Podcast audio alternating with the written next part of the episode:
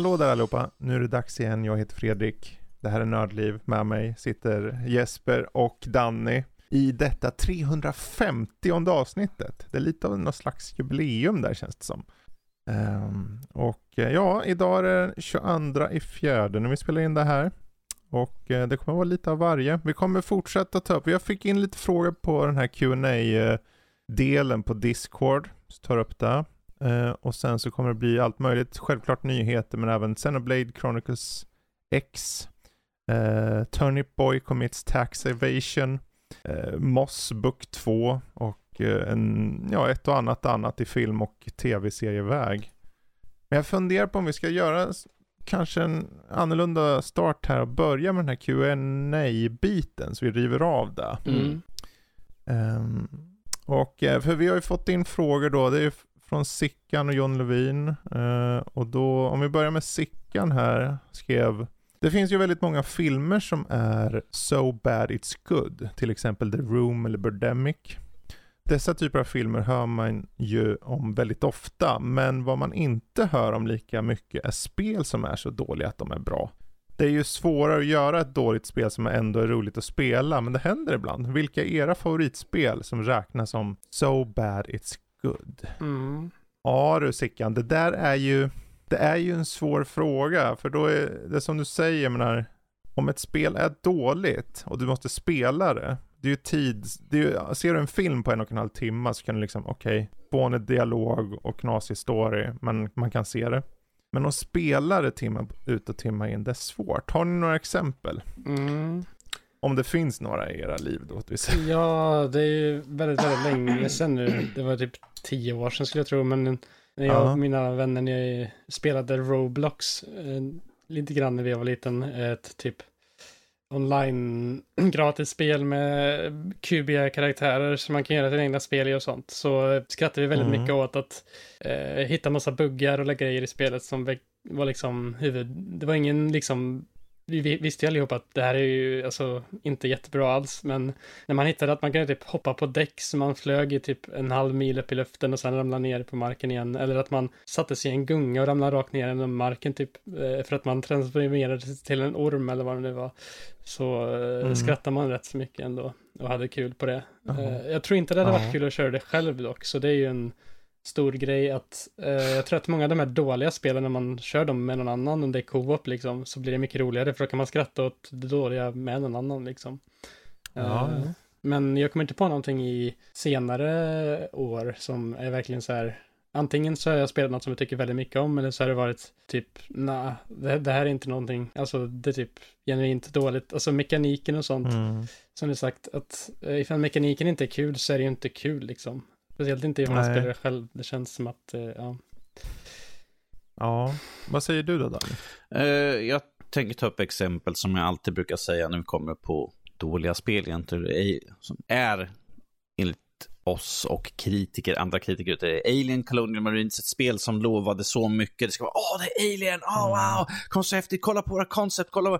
Så slutar det med en stämning och nu måste alla ha att, eh, att de måste ha liksom work in progress eller liksom att det här är baserat på riktiga gameplay från spelen i trailers. Men Alien Colonials Marine är något som jag och brorsan kör. Det, det, är inte det bästa spelet. Det är ett väldigt dåligt spel för att det är absolut inte vad som lovades. Koden är, ja, kaputt på konsolen, men att vi har fortfarande kul att köra ihop spelet. Så. Mm. Mm. Kör ni det fortfarande alltså? Tyvärr har ju de riktigt skit internet, annars skulle vi säkert sätta oss och spela en runda sådär. Eh, de, har, de kör fortfarande över telelina, jag vet det här är början, välkommen till början på 2000 sådär. Eh, så att mitt spelande ihop med brorsan är väldigt, väldigt illa. Ja. Det är typ jag får ta med mig konsolen hem till, hem till morsan till jul så, så får vi spela ihop. Så. Uh, ja, men uh, så, det kan ju vara en bra idé om inte annat. Släppte inte de ett uh. nytt spel nyligen, uh, Fire Dream Elite, eller det var? Det där som kom förra året som ett Alien-spel. Ja, ah, just det. Uh, ja, fast det var inte Gearbox. Nej, nej precis. Uh, det var ju det var helt okej. Okay, yes. Uh, faktiskt. Det var ganska bra. Vi streamar ju det. Mm. Ja. Um, ja, jag får väl dra tema Metal Gear Survive, tro till dig. Det är ju, jag försöker mest komma på något spel som jag körde oväntat mycket på trots att jag genuint tyckte det var dåligt. Jag tänker det måste ju ha någonting om man faktiskt kör ett spel ganska mycket och samtidigt bara, ja men det är ju inte bra. Förvisso kan det varit, jag vet inte om det var jag som recenserade eller vem som recenserade eller som jag hjälpte där, för det är ju så här, fanns väl något co-op eller något? Det är antingen du eller jag som recenserade det. Ja, men eh, jag la ändå 55 timmar på det. Och det var så här, ja men det har ju någonting ibland. Men överlag så var man bara förbannad. ja. Sådär, jäkla skit alltså. Men det, ja. Precis. Det, det, det, är väl det enda jag kan komma på som ett specifikt spel. Annars så för min del så, och jag förstår ju att inte alla gillar uh, Tower Defense och så. För Tower Defense tror jag många ser som ganska dåligt. Uh, men jag älskar ju Tower Defense. Uh, eller ja, i alla fall de som är välgjorda. Det finns väldigt usla. och det är ju så här, när det handlar om uselt i Tower Defense, då är det frågan om okej, okay, det här är bara inte roligt för att det tar för lång tid eller det är liksom ingen bra feedback på vad du gör på, på, uh, på skärmen liksom till vad du gör för några kommandos. Mm. Uh, men det är en genre som jag kan tänka mig att folk ser som någonting dåligt, men som jag ändå uppskattar. Mm. Uh, jag vet inte, det är väl det. Jag vet inte om ni har några andra exempel på ja, ja, favoritspel det, som det räknas som så, so bad it's good. Det är nästan så jag skulle önska jag kunde säga så här liksom, en Fast and Furious Crossroad, det liksom var så uselt så att det var bra, men att det finns ingen redeeming quality Nej. överhuvudtaget. För att det skulle kunna vara ett sånt praktexempel, liksom. det är absolut dåligt, styrningen är skit, du, liksom, körmekaniken är dålig, men jag kan inte sluta spela. Men det, jag slutade spela så fort jag var klar med skiten. Ja. Lämnade in recension och jag bara, aldrig mer. Ja, jag kom på ett exempel som kanske hade varit lite mer roligt om man hade liksom, eh, vad heter det, inte buggat ur hela spelet och inte kunnat komma vidare. Och det var det här, eh, jag kommer inte ihåg exakt vad det det var något Ben 10-spel som jag recenserade, eh, mm, vad nu ja. eh, som... Ben 10 Saves the World, eller något sånt där ja. extra titel. Eh, men det var ju något 10 i typ en open world som man sparade runt i. Det var ja. extremt dålig dialog. Grafiken såg ut som att vara typ en dålig uh, Unity-licensspel typ. Och det var verkligen mm. inte bra, men det ändå var liksom det var så dåligt så det var liksom så stela animationer och sånt som man skrattade lite åt att det var så dåligt. Mm. Men Uh, tyvärr så buggade jag ju ur hela spelet och behövde typ starta om två gånger innan jag insåg att jag kommer nog inte kunna klara ut det här. Uh, för att jag kommer ju bara bugga oh, ur nu det. hela tiden. Men uh, oh. om det inte hade varit för det hade jag kunnat sagt det, men jag tyckte det blev bara lite för frustrerande för att säga det i slutändan. Men ja, det hade potentialen att bli ett sånt spel i alla fall. Ja. ja. Jag tror, jag tror enklare att säga primärt att ifall ett spel är dåligt på mer än ett sätt egentligen så brukar man ju inte fortsätta köra dem. Nej, det är ju så. Och ifall det är som Jesper, liksom en spel som buggar ur hela tiden. Ifall en mm. storyline är totalt uh, jätteusel. Men då är, med tråkig gameplay. Liksom. Och ifall det är tråkigt det gameplay. Det är ju som du tog upp som vi pratade precis innan. Som till exempel uh, Serious Sam. Du kan ja. ju spela det bara för att liksom, ah, men jag vill bara kötta någonting, jag vill bara mos, spränga mm. folk i luften. Då kan man köra det spelet. Du kör ju inte för story eller för karaktären. Nej. Det är liksom så att och sen, miljoner personer kommer springa och bara skjuta Exakt, dem. för jag tänker det, det är ju ett bra exempel i det att som spel så är det ju väldigt förlegat. Mm. Så jag tror det är ju en viss typ av eh, spelare som kanske plockar upp det till att börja med. Och bland dem så finns det de som tänker, att det här är inte så jättebra, men det är bara kul att skjuta saker. Mm.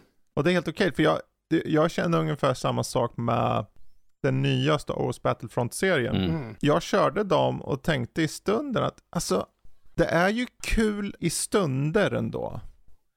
De förde in lite gameplay, om det var i två, eller var det gameplay, lite story i tvåan, som var helt okej. Okay. Det var spel som var så helt okej, okay, men de var så, liksom, neddragna i skiten av alla de här mikrotransaktionerna och hur, på, hur det påverkar balans och sånt så att det blir tråkigt i längden. Plus att spelets svårighetsgrad var så förenklad, så mainstreamifierad så att det var liksom, du kunde hoppa in men det fanns inte så mycket, det gav inte så mycket i långa loppet. Det var kul i korta små sjok sådär. Det är lite grann som men, Marvel ja. Avengers när jag recenserade. Då hade man ju inte kört kanske mm. samma bana en miljon gånger. Men liksom, när man var inne, sprang runt, mosade skiten ur liksom, de tre, fyra fienderna som fanns. Eh, fiendetyperna. Så det var ju kul då för stunden sådär, men att, som jag sa då, ja. liksom, att det här behöver ha mer. Det behöver mer innehåll. För att, i, mm. att sitta kanske, ifall jag kör ett par matcher om dagen, fine. Men ifall jag är en sån som vill levla upp, låsa upp massa saker, mm. få alla mm. specialgrejer och sånt där i skiten. Då kommer man tröttna extremt snabbt och då är det bara Precis. tråkigt i längden. Då finns det, inget, då finns det, det inget kul. Även fast det liksom, jag tycker om Marvel, jag tycker om liksom att få in och spela som olika karaktär, Hulk eller någon sån där bara, ja. och liksom Hulk smash. Men att... Men det är väl just det där som är problemet med spel överlag. För en film kan vara så bad it's good för att du får högst en och en halv timme, två timmar, mm. ish.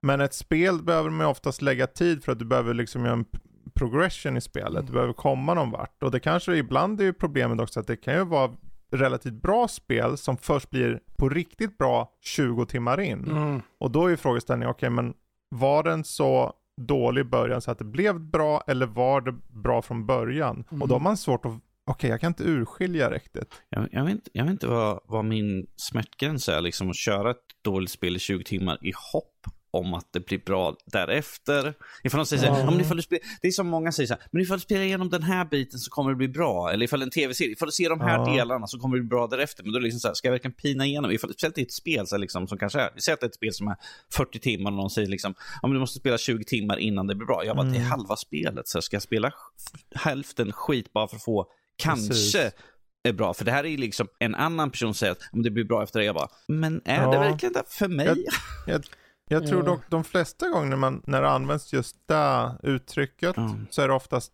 när det gäller spel eller film som är okej okay mm. först. Men att det kommer till en punkt då du slår till och sen så okej okay, nu blev det på riktigt jättebra eller något. Så att det, det, de flesta spel eller filmer som är genuint, den här är verkligen skittråkig. Om du tittar någon B-actionrulle med Dolph Lundgren från 83. Punisher. Ja, den, den blev inte bra. Och den kommer inte bli bra efter 20 minuter, den kommer inte bli bra efter någon timme. Liksom, man vet ju det, och det är så oftast med spel också, att liksom, är det genuint uselt, du börjar köra Postal 4, vi förstår att de tycker det här är humorn. Mm. Det här är humorn du kommer se. Det här är spelupplägget och den kommer inte förändras.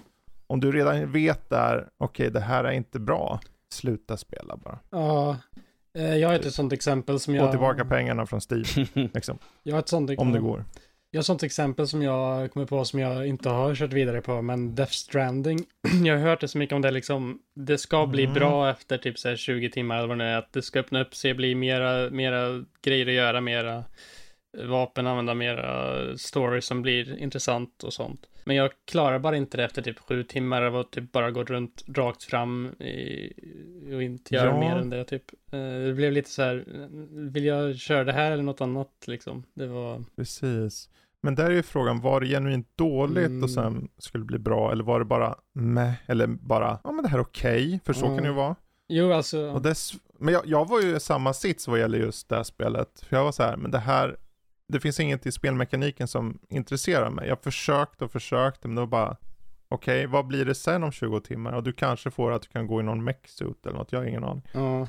Exoskelett, men det... Ja, alltså ja. grejen med det är väl, det är väl inte, jag, jag ser ju liksom att det, det är ju inte genuint dåligt på sätt och vis, men det är liksom, du gör, det är väldigt monotont. Du gör ju nästan samma syssla, ja. bara går rakt, i vär, alltså, går rakt fram i världen, ska balansera din dina väskor och sådana saker. För att Vad var det jag inte... kallade det? Posten the game tror jag kallade det i recensionen. Ja, men jag vet ju att, alltså storyn och sånt höll mig intresserad även i början, för jag tyckte det var ganska intressant med konceptet och sånt. Mm. Varför är det en eh, liksom porter som går runt med en bebis på ryggen och ska i en tub av allting och ska bära runt på den. Mm. Liksom, det är väldigt intressant upplägg och sånt. Men tyvärr så är gameplay så otroligt tråkigt så att jag, eller för mig, så jag klarar bara inte att köra vidare typ.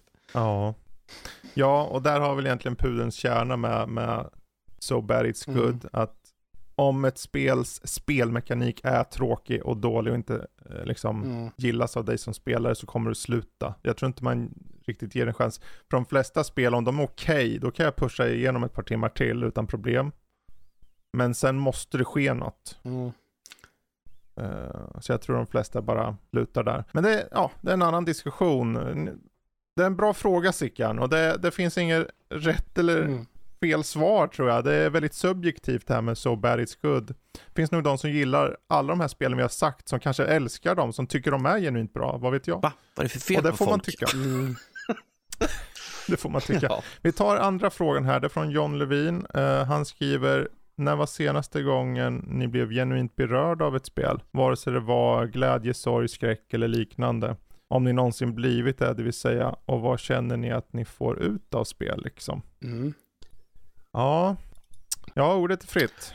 Uh... När blev ni berörda senast? Senast? På något ja. sätt. senast det... Men han säger både glädje, sorg och skräck här. Och det berörd, om du säger berörd, då är det att man blir berörd nästan så här känslomässigt. Jag vet ja. inte, sorg, skräck. Ja. Jag har nog ett exempel eh, som är typ inte berörd på att jag liksom av jag blir berörd av spelet på grund av uh, the soundtrack mer eller mindre och det är Near uh, Replicant när jag körde det förra året. Mm. Det var ett spel som verkligen typ så här, det fångar in mig väldigt mycket med både att den har en ganska så rörande story, att det, ska, det är en bror som ska rädda sin syster som har fått en sjukdom typ, mm. uh, vilket är en ganska mörk och liksom djup story. Och sen även att uh, soundtracket är så, så pass berörande i hur de använder sig av ett påhittat språk typ för att uh, mm liksom lägga till i styckena för att det ska liksom passa väldigt bra in till allting. Så jag kände mm. att jag mm. många gånger bara typ ställde mig i ett landskap och bara kollade på det i typ flera minuter bara för att ja, musiken var så genuint berörande typ. Um, sen förutom det uh, så ja, jag vet inte. Jag kom på ett exempel som kanske typ är lite med i eh, förra diskussionen faktiskt när jag tänker efter. Och det är The Last mm -hmm. Guardian, eh, när jag körde det. För eh, ja, det är också det. ett sånt spel som jag tycker, alltså det är ju inte jättebra i mekanik alltid. Jag tycker att det var väldigt jobbigt att kontrollera den här fågeln, eh, Trico då. Men jag tyckte även att ändå att det fanns något där. Jag tyckte ändå att det fanns ett driv att spela vidare, för jag ville veta vad som hände mest. Och det, sen eh, när saker hände med den här fågeln så kände jag ändå liksom ett band med den här fågeln, liksom att jag ville inte att det skulle hända någonting illa med honom. Mm. Så det var liksom, så sätt så tyckte jag att det var ganska känslomässigt eh, i det spelet. Ja. Eh, så det är väl ett exempel också. Absolut. Danny? Försök komma på uh, något som känns, alltså, förutom frustration, ilska, är väldigt återkommande känslor när jag spelar spel för det mesta. Så när det inte ja, går bra, när det inte går bra, men ifall du ska ha någonting på andra spektrum än liksom raseriutbrott så. Eh, jag tog ju upp eh, i, som till exempel i Horizon eh, Forbidden West, eh, hur väl eh, ansiktsanimationerna Uh, mm. Jag kommer inte ihåg vad han heter, Hammar, Hammarsnubben. Uh, för det eh, finns ju en scen när ja. hon ska gå igenom, när hon går igenom grinden in till liksom the forbidden west. Liksom, han sitter där liksom och man ser liksom på hans ansikte att ja, liksom, han kan inte ta sig vidare för att han är skadad. Liksom, att man ser liksom hur han Alltså jag förmedlar liksom hur förkrossad mm. han är, men att han fortfarande vill liksom sådär. Jag, jag, sånt liksom mig. Liksom. Jag tycker om liksom att mm. när karaktärer liksom lyser igenom, även liksom CGI, liksom där, liksom vad de vill förmedla. Sånt ah, berör. Precis. Uh, sen har vi såklart... Iron, precis. Eh, sånt tycker jag om. Eh, sånt berör lite grann på. Eh, mm. Vanligtvis just nu på senare år så är det väl typ när det händer någonting till fadersfigur så brukar det stinga till sen, sen min far gick bort så att säga. Uh, Last mm. of us 2 säger jag liksom rakt upp och ner där man bara... Uh, ja. Vad som hände där. Men uh, ja, vanligtvis är det glädje, liksom bara kul spel som uh, Ratchet Clank. Uh, mm kul spel, liksom, jag menar, kul duo, liksom, sånt liksom gläder mig liksom mm. att se. Speciellt också när spelen är roliga, liksom, att de har en humor som är i samklang med är som en helhet. Precis, så inte liksom, så humorn passar inte ihop med resten av världen. Det ska vara liksom att ifall det är någonting som görs väl, Mm. Så att allting är på en bra nivå och inte liksom en sak sticker ut. Då blir jag glad att spela ja. spel liksom. Så. Jag kom på ett till exempel eh, som är lite mer yes. åt det känslomässiga hållet och det är det första Xenoblade Chronicles-spelet. När man i början träffar mm. på sin barndom, eller etablerar en relation mellan barndomsvännerna mm. Shulk och Fiora. Och när de blir invaderade av Mechons, äh, jättelika mech-varelser. Och Fiora ja. bara blir rakt liksom stabbad i sin, och liksom Ja, jag ska inte säga så mycket mer än vad som händer egentligen. Men nej, nej, eh, nej. det är liksom, han förlorar liksom sin barndomsvän. Och uh, han bara liksom skriker I'll kill you till den här stora mm. meckan och det är liksom hur han, Adam Howden, han som är röstskådespelaren, engelska röstskådespelaren, verkligen förmedlar eh, känslor i den scenen är väldigt så här mm. påtaglig. Och det är verkligen, och det är verkligen ovanligt i JRPG och sånt överlag att de, att de engelska röstskådespelarna kan förmedla sådana känslor tycker jag. Men jag tycker att han mm. gör det så otroligt bra i den scenen. Ja. Ja. ja. Men det, ja. Um, för min del, jag vet ju att jag blev väldigt berörd av första säsongen av The Walking Dead-spelet. Mm. Um, även uh, Final Season var väldigt välskriven. Uh, och där är ju liksom val du fick göra, alltså just den här att du själv var med och gjorde valen gjorde, gjorde det jobbigare då. Uh, sen var också nog avslutningen på God of War väldigt berörande för mm. mig. Um, det... Med, hela syftet är ju som sagt att ta, en, mm. ta och sprida ut askan av sin partner. Där. Ja, den var faktiskt ganska, uh, den är ett bra exempel. Så den, den blev jag jätteberörd av också. Men eh, det, det är de jag kommer på som handlar om berörd, alltså bli berörd så liksom. Sen visst, jag känner väl att det är kul med roliga spel och så, men jag blir inte berörd på det sättet mm. kanske. Och skräckspel, jag vet inte om jag kall, är man berörd bara för man känner att det är så här ruskigt? Jag vet inte. Jo, jag skulle nog säga att man, eh, man blir i alla fall eh, man blir påverkad, påverkad ganska mycket av att ja. man liksom blir, man känner den här konstanta trycket mot ja. den, man ska säga. Uh, ja. jag, ja. Ifall man ser eh. Fredrik sittandes i en stol, liksom en filt över, liksom. man ser bara ja. hand som kommer ut med handkron. Bara, vad händer nästa? Lotta liksom bara, håller på och spelar uh, spel, skräckspel nu. Han bara, mm. det händer något. Jag skulle nog säga att man är ganska ja. lite, grann, lite lätt berörd då, kanske så på något sätt. Ja, men det är inte berörd som att du är känslomässigt berörd. Det är ju bara du är skräckslagen. Ja. Liksom en ruskig stämning i spelet. Herregud, jag känner att det var ruskigt i Elden Ring, men jag var aldrig berörd av spelet. Ja, fanns inget i berättelsen. Där tror jag, där tror jag mer var frustration och ilska över bossarna. Alltså. Ja. Nej, det fanns inget, ja alltså man kan vara trött på att man dog, men frustrationen, jag skulle inte säga att jag var frustrerad faktiskt. Eh, jo, jag skulle nog hålla med dig där faktiskt, om Elden Ring som ett exempel på liksom mm. någon slags känsla ändå. Och jag skulle inte säga, jag var ju aldrig frustrerad direkt på bossarna, för att du har ju checkpoints nästan alltid precis bredvid eh, bossarna. Eh, mm. Vilket är, är, liksom en game changer för mig och någon anledning till att jag körde igenom det också. Och plus den här utforskarglädjen det har. Men att när man har besegrat en boss man kanske varit fast på ett tag, som man bara känner liksom till exempel Fire Giant, när man, när man äntligen mm. känner att det här gjorde jag själv, jag har klarat den här bossen, jag har liksom förtjänat det här vinsten nu. Då känner man ju en slags typ eufori i kroppen och dopaminet ja, liksom flödar. Och då blir det ändå så att man, det är någon slags känslomässig tillstånd ändå skulle jag Absolut. säga. Absolut. Så det var, ja. Ja, men där, där har fått uh, svar på tal. Uh, och uh, det var två frågor, vi, vi håller oss där. Eh, tack för att ni har skrivit in där.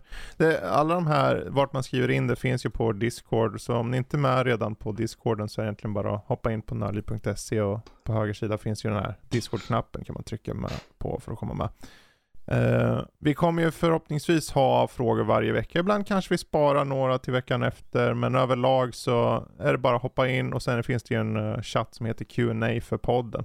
Det är bara att skriva in frågor där, så kommer vi ta upp dem. Bra, men nu går vi till uh, Dagens Nyheter istället. Mm. Dagens Nyheter, featuring Danny Larsson. Mm. mm. featuring. Ja, vi kan börja här då. Över till nyheterna. Babylons Fall Eh, droppar under 10 concurrent players on PC this week står det här. är det alltså 10 totalt bara? Eh, under 10. Ja. Som jag förstått det så var det under 8 till och med till slut. Um, eh, vilket verkligen tyder på att Platinum Games have done bad här. Uh, det här är uh, tydligen, jag tror inte någon av oss har spelat det här spelet så vi kan väl inte riktigt tala för det kanske men av vad jag sett av nej. det och sånt från andra och jag har hört om det så är det verkligen, nej, det här var verkligen ingenting att ha. Vilket är synd för att när man såg det här första gången så kände man att ah, det kan vara ett nice Platinum blir kanske. Men sen som man, sen man får reda på mer detaljer om det förra året vid E3 där så tror jag att många tappade intresset. Mm. Jag tror att de sköt sig själva lite i foten att de ska göra ett live service-spel på det här sättet. Ja. jag tror inte riktigt att det är deras grej. Eh, eller? Nej, och jag tror, jag tror om, det här har vi ju pratat om förut, men jag tror inte det var deras Nej. idé riktigt. Det känns som att uh, farbror Square har kommit så, ja, vi behöver ett sånt, gör det nu. Ni kan ju det här med att hugga upp folk. Va? Jag, jag, Mm, kom jag igen, har grabbar. haft demot installerat sedan det kom ut. Men det har bara all, jag, som sagt, man ser på det här man bara... det är bara att installera. värt ens att testa, bara för att testa på Nej. och bara se vad är det för någon skit egentligen sådär. Ja, Nu har alltså, inte jag haft Du det- har så mycket annat att köra, Ja, är så så du här, behöver inte jag har inte haft så mycket positiv erfarenhet med Square på senaste Nej. tiden, så det är väl eh, lite grann att de har finger med i spelet. Liksom man bara, mm, kanske inte. ja, Det är väl just det här med att Platinum också släpper det här. Det är, de har börjat bli lite varierade i sin kvalitet känner jag. För det, är- visst, Nier Automata, Astral Chain, men sen det här Sol Cresta, World of Demons, Babylons Fall. ja, Det går lite upp och ner. när typ Sol som. Cresta som är ett retro shoot 'em up som vilket som helst eller vad det verkar vara. Får bättre Mm. betyg än ett actionrollspel av verkligen actionrollspelens liksom eh, vanligtvis liksom de högst, liksom de som verkligen kan göra actionrollspel. Vi har sett Bayonetta, vi har sett Nier Automata, Astral Chain, alltså alla de Ja. tre spelen ska jag säga är typ bland de bästa actionrollspelen som finns där ute. Så eller actionspelen, så det är liksom att de har sjungit så här nu känns inte, alltså det känns inte som att de har fått riktigt fria tyglar att göra vad de själva vill eh, i det här. Nej, så är det nog. Jag menar, Mm. de, de kommer få bevisa hur bra de är med Bayonetta 3 Mm. sen, som kommer. Ehm, Förhoppningsvis fortfarande i år. ja. så. inte många spelare i Babylons Fall och det är ju på ett sätt bra. Det, behöver, det behövs vara få så att Square Enix fattar, Mm. tror jag. Men eh, hoppa vidare så har vi då en uppdatering angående just new, eh, den här nya Playstation Plus-tjänsterna som nu kommer. Vi har väl fått eh, datum nu för Europa. Det siktas på den 22 juni att eh, rollas ut eh, vad Mm. gäller just de här premium och så vidare. Eh, Playstation Plus Essential Plus Extra och Playstation Plus Premium. Ja, det är värt för er att veta Ja, kanske. Om ni ska ha någon av de här övre nivåerna. Eh, vi hade ju det som en fråga här om veckan. Så att det är ju inget vi behöver gå in på djupare känner jag. nej, men det kan vara bra att veta. Det kan vara bra att veta. Mm. Det kan vara bra veta. Eh, vad som kanske är bra att veta då ifall att om man då faktiskt skaffar den här premiumnivån på, på Playstation Plus är att man då kanske faktiskt får ta sig an några av de här enligt många klassiska spelen Siphon Filter. Man blir ratade på både PS4 och PS5 och det ser ut som att de mycket riktigt kommer, eh, eller kan komma på just den här premiumnivån. Eh, ehm, det är ju frågan om det är värt att köra det för just de spelen. Jag har aldrig kört någon av dem. Kanske någon där ute har spelat de här och bara wow, vi kommer kunna köra om alla de här spelen. Eh, men då, då ska det ju vara värt, vad är det, typ 17 euro i månaden eller vad det är. Mm. Jag har ju inte ens hört talas om de här spelen så jag kan inte veta riktigt. Men ehm, alltså det spelar ju mycket roll för mig, alltså vad de andra spelen de har liksom om det är eh, om det är väldigt stort och bra utbud så liksom kanske ändå att man skulle kunna tänka sig på det. Men jag vet inte, jag känner inte att jag kan bara investera i det som det är just nu.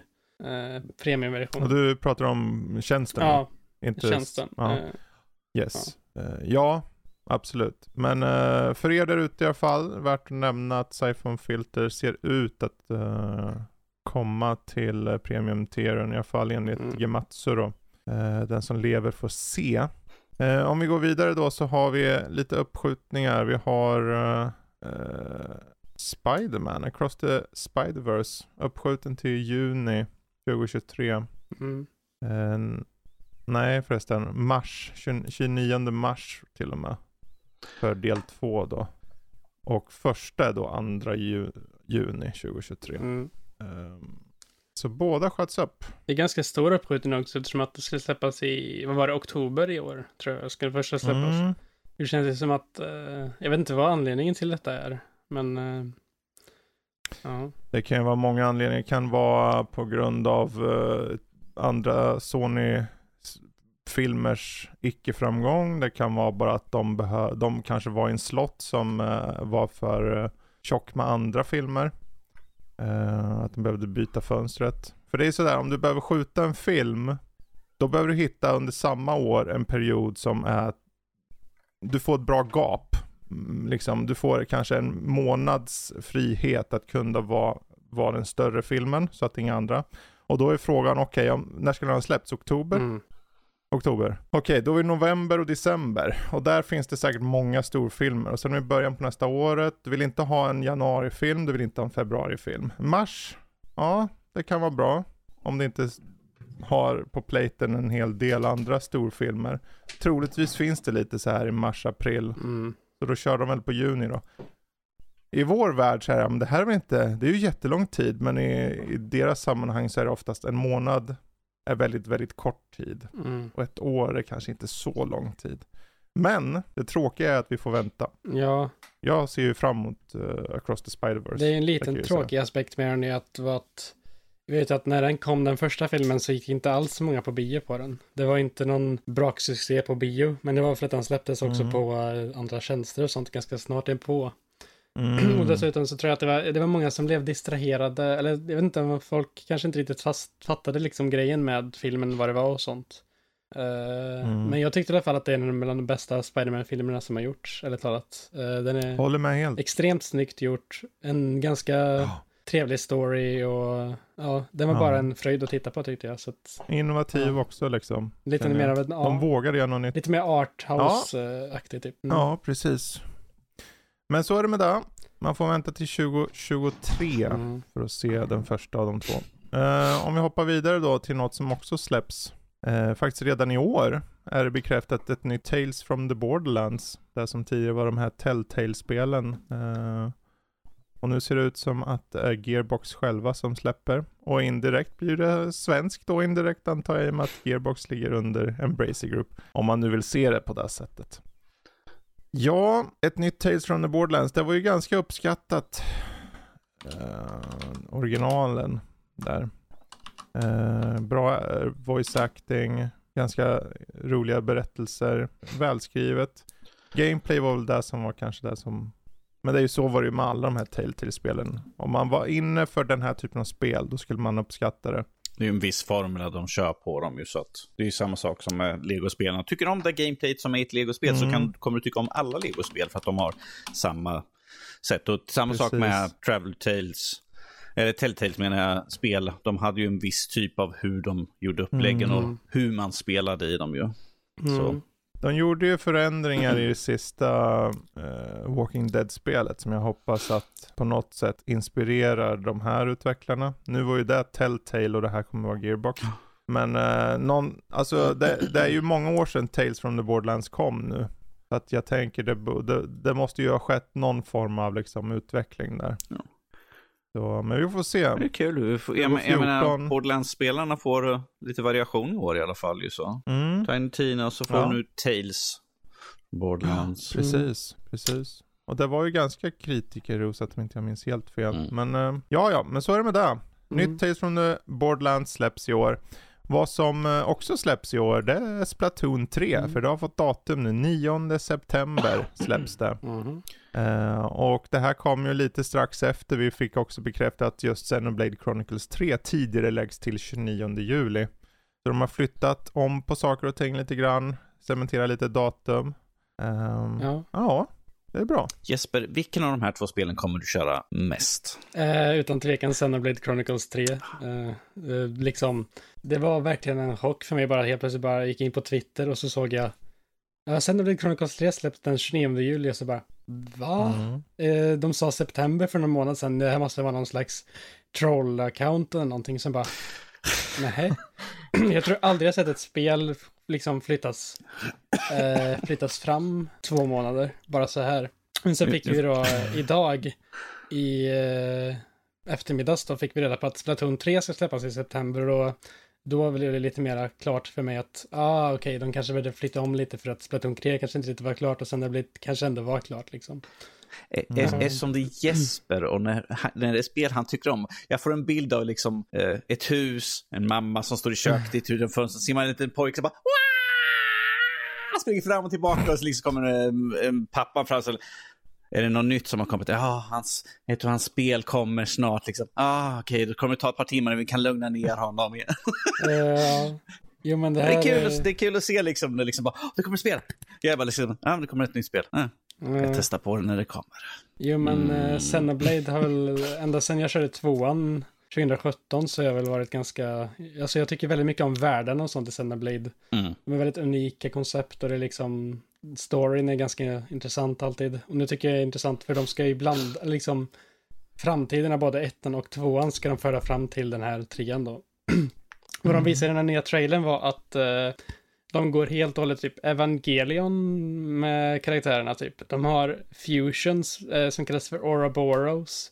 Uh, som karaktärerna möter på något slags monster i början och sen så ser man att Noah och Mio, alltså huvudkaraktärerna, blir till en karaktär som strider liksom tillsammans. Och det blir liksom, ja, det är väldigt typ, det känns nästan som att den trailern är nästan ett enda långt anime-intro i princip. Men ja. Eh, mm. Eh, det som jag är lite så här uh, besviken på är att Nintendo inte kommer släppa någon, uh, eller de, deras limited edition med artbook och steelbook och sånt. Som jag tänkte skaffa, de släpper den bara på My Nintendo Store och inte på någon butik. Så mm. då måste man liksom förregistrera sitt intresse först på deras hemsida och sen vänta tills man får ett mail och hoppas på att man kan få den. För liksom, det är ju kanske ganska många som ska liksom från samma ställe då ska beställa den liksom. Ja. Eh, så det är lite så här. De hade med de andra hade de ju att man kunde beställa dem från fysiska butiker. Jag vet inte om det är någon anledning till att de gör det här. Jag såg att också att eh, troligtvis kommer de bara skicka iväg spelet när det släpps ändå och inte själva utgåvan eftersom att de inte riktigt har fått distribuerat det klart till typ förrän typ i höst eller något. Eh, vilket är ganska förståeligt eftersom de kanske snabbt bytte liksom plats på Platoon 3 och sen det blev 3 på grund av detta. Eh, sånt, så. Men ja, det, det verkar som att de har eh, verkligen pushar switchen med till sin liksom gräns nästan med hur mycket de verkar ha med i det här. De verkar ha typ så här, upp till sju party members som man sett samtidigt i strid kommer det vara, det ser väldigt kaotiskt ut med UI över hela typ skärmen, men det är inte något som är ovanligt på Xenoblade. Men när man kommer in, ja. UI över hela skärmen? Ja, Precis. Eh, det är typ en, en typ fyra knappar där man kan klicka på, och sen typ fyra knappar på andra sidan och sådana, ja. Eh, men ja, eh, de mm. har ju... Men de kommer i alla fall, ja, och de kommer snart. För folk, för folk som älskar Xenoblade Chronicles och Jesper mm. förväntar dig att uh, augusti kommer vara fylld med båda två. ja. För då har han spelat spelet, Fredrik. Mm. Det ska bli intressant att höra vad, se vad du tycker om trean nu. Så. Ja, ja, den kommer vi återkomma till. Mm. Uh, fler spel som släpps. Vi har uh, No More Heroes 3 som faktiskt släpps till an alla andra plattformar i höst redan. Mm. Playstation, ja. Xbox och PC. Uh, den här släpptes ju i nin till Nintendo i augusti ja. 2021.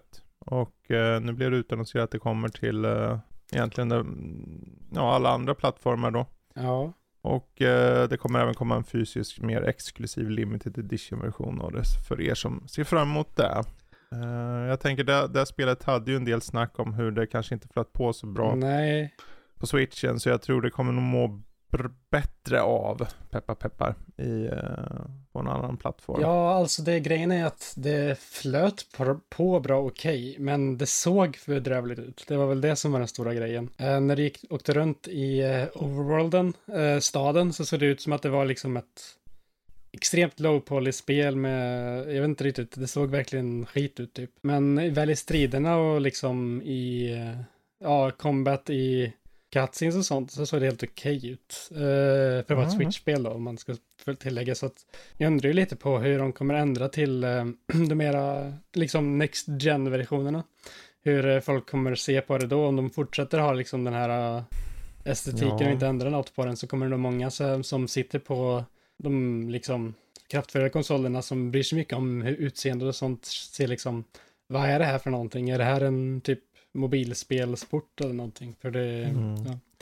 Jag tror nog att fokuset, de kommer ju inte liksom föra in plötsligt helt nya texturer mm. som är liksom megatexturer. Det kan vara att de piffar till lite grann eller något. Men det är ju egentligen, det här är ju en portningar. Mm. Det står ju ingenting om remakes eller remasters eller något. Utan det är ju samma spel fast det, jag, jag kan tänka mig att det som kan och bör vara att det ska vara raka 60 FPS genom spelen. Mm. Och högre upplösning. Eh, men utöver det vet jag inte om någon skulle liksom inom situationstecken fixa till uh, textur och sånt. Jag tror det är lite av en identitetsfråga där också. Om de ändrar på sånt så är det ju inte samma spel riktigt heller. Det kan, kan ju vara att textur och sånt där är bara bra. Det är bara att på switchen så kanske det inte såg bra ut för att lägre upplösning eller mm. någonting med kompression och skit. Så att det kanske, ifall du kanske bara, ifall du portar över som sagt, ifall du tar den på en PS4, PS5 liksom, så kommer det se mm. bara bra ut. Ja, jag ja. tror inte riktigt det kommer funka riktigt så heller faktiskt, tyvärr.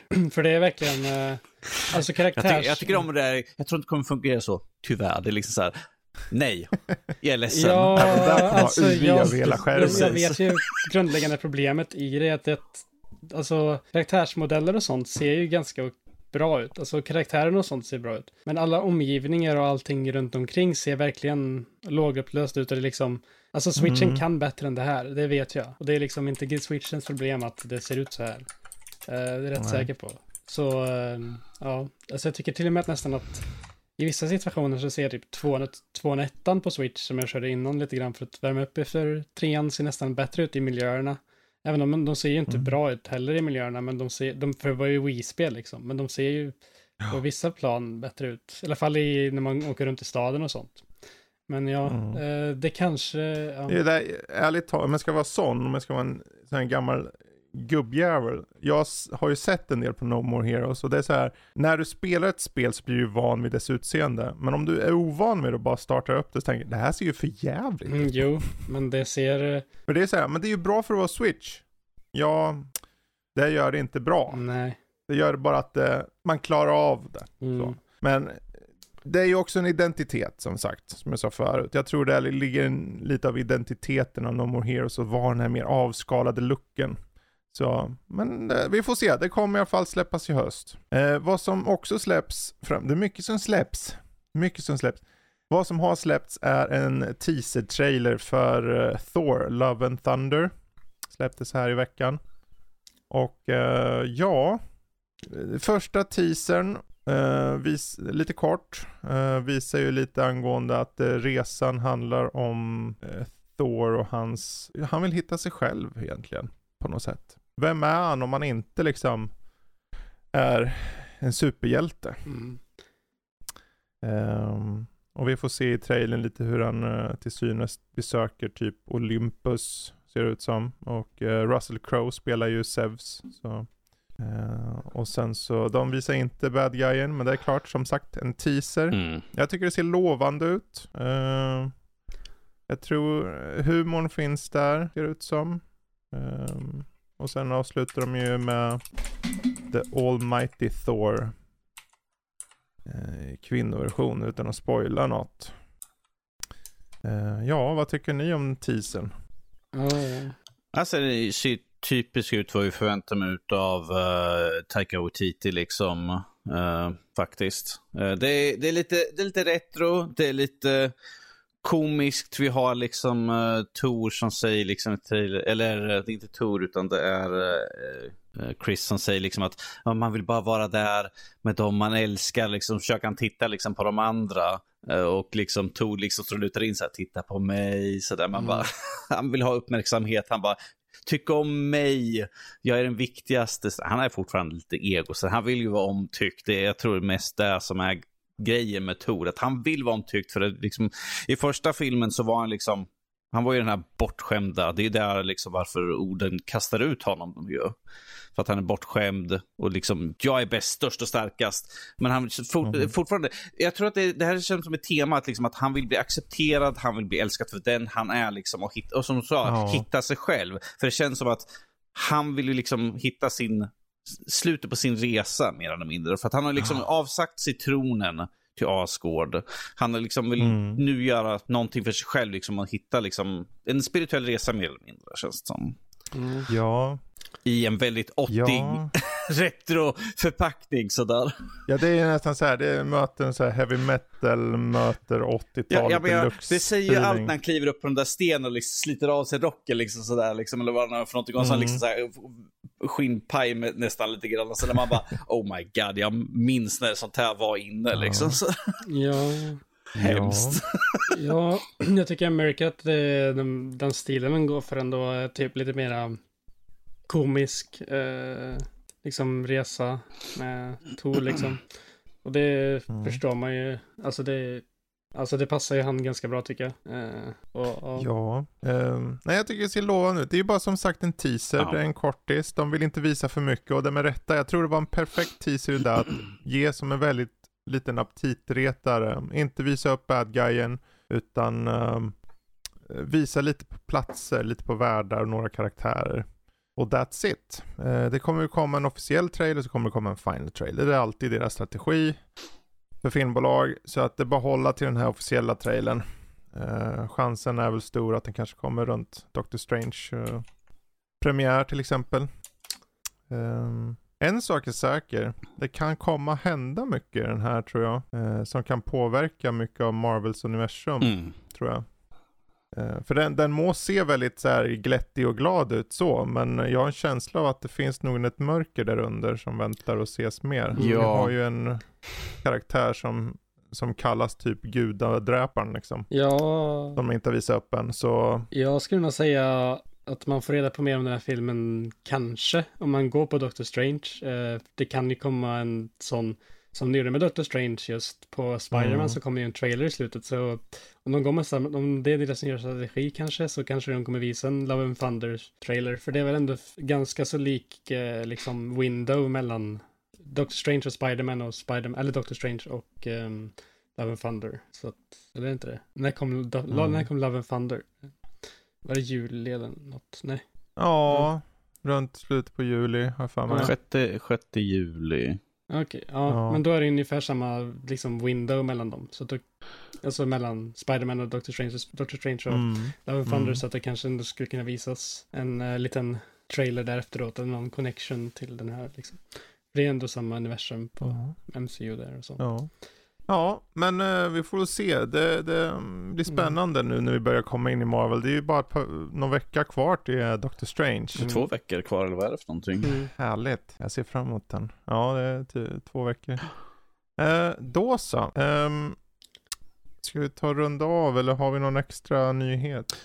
jag såg det här precis just nu. Att det kom ut nu under inspelandets stund. att Uh, löfte från Bruno Valesquez som är animatör, animation director uh, för God of War att God of War Ragnarök kommer släppas i år. Det här var, uh, han fick frågeställningen på Twitter.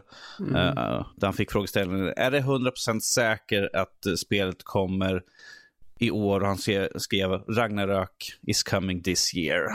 Så mm. det här tycker jag är ganska kul för att vi har ju fortfarande, vi har ju spekulerat ganska hårt egentligen, lite grann här på och vid sidan av. Kommer det komma i år? För vi har inte fått några säkra tecken på att det faktiskt... Nej. Och nu har vi det enda vi fick var ju läckan. Ja, läckan. Som sa att det var slutet på september. Ja. Och, nu, och nu har vi här utav i alla fall en som arbetar på spel som säger att det kommer. Men som sagt, bara för att du arbetar på spel och säger liksom, det är klart det kommer i år. Det kan fortfarande ändras. Ja.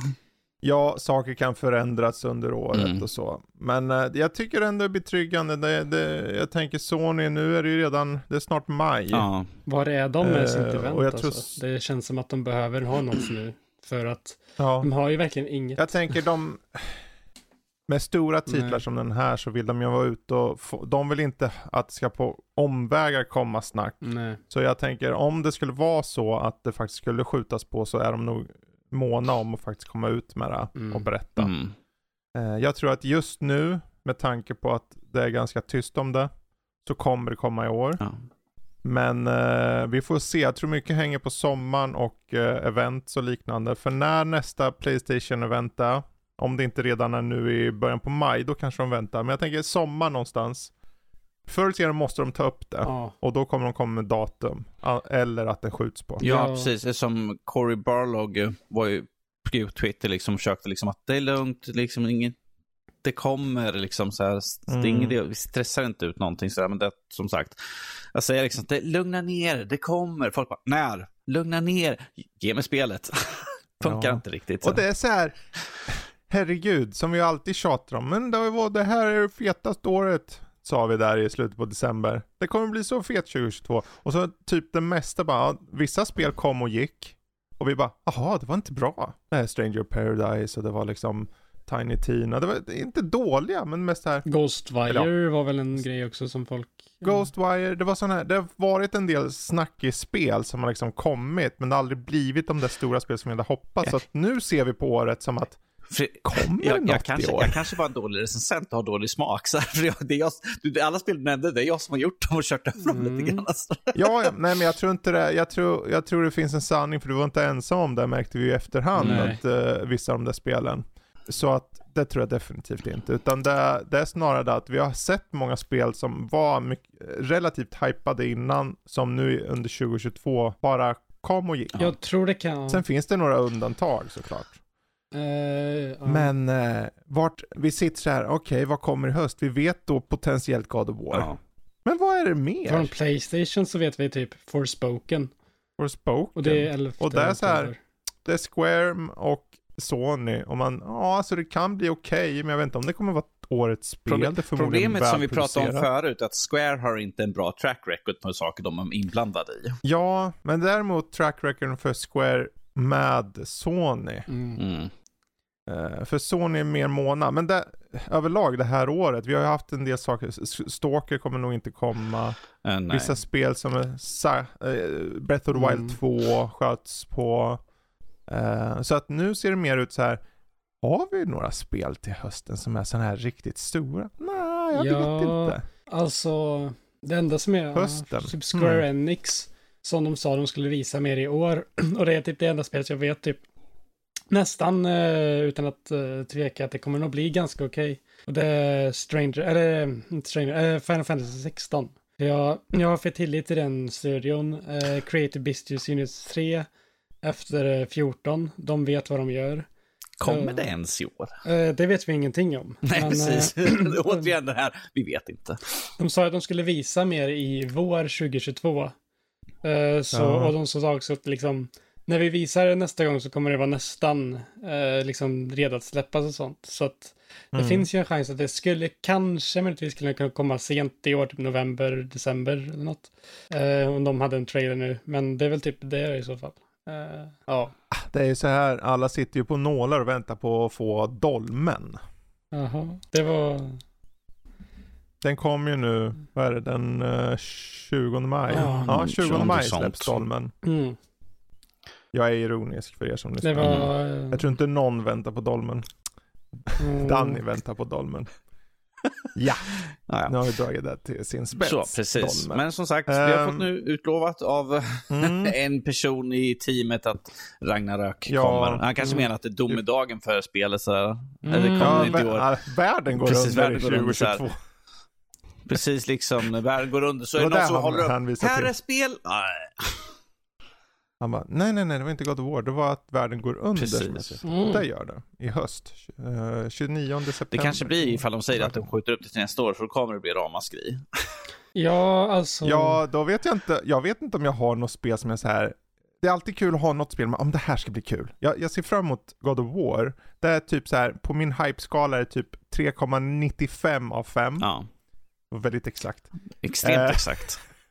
Det är så här, det är relativt högt, men det har gått ner lite på grund av att vi har väntat på det så länge. För att när man väntar på spel för länge så tappar det för mig. Ja, det är nästan exakt fyra år sedan nu. Så. Ja. ja. Uh. Men bara, jag har inget annat riktigt som jag säger. Visst finns det så här, Forspoken ser intressant ut men jag sitter inte på nålar och väntar på det. Det finns spel och sen är det sån här, ja vi har ju ett outannonserat uh, Assassin's Creed som eventuellt ska komma ja, i år. Jag bara, Assassin, sure fine. Jag mer till min samling.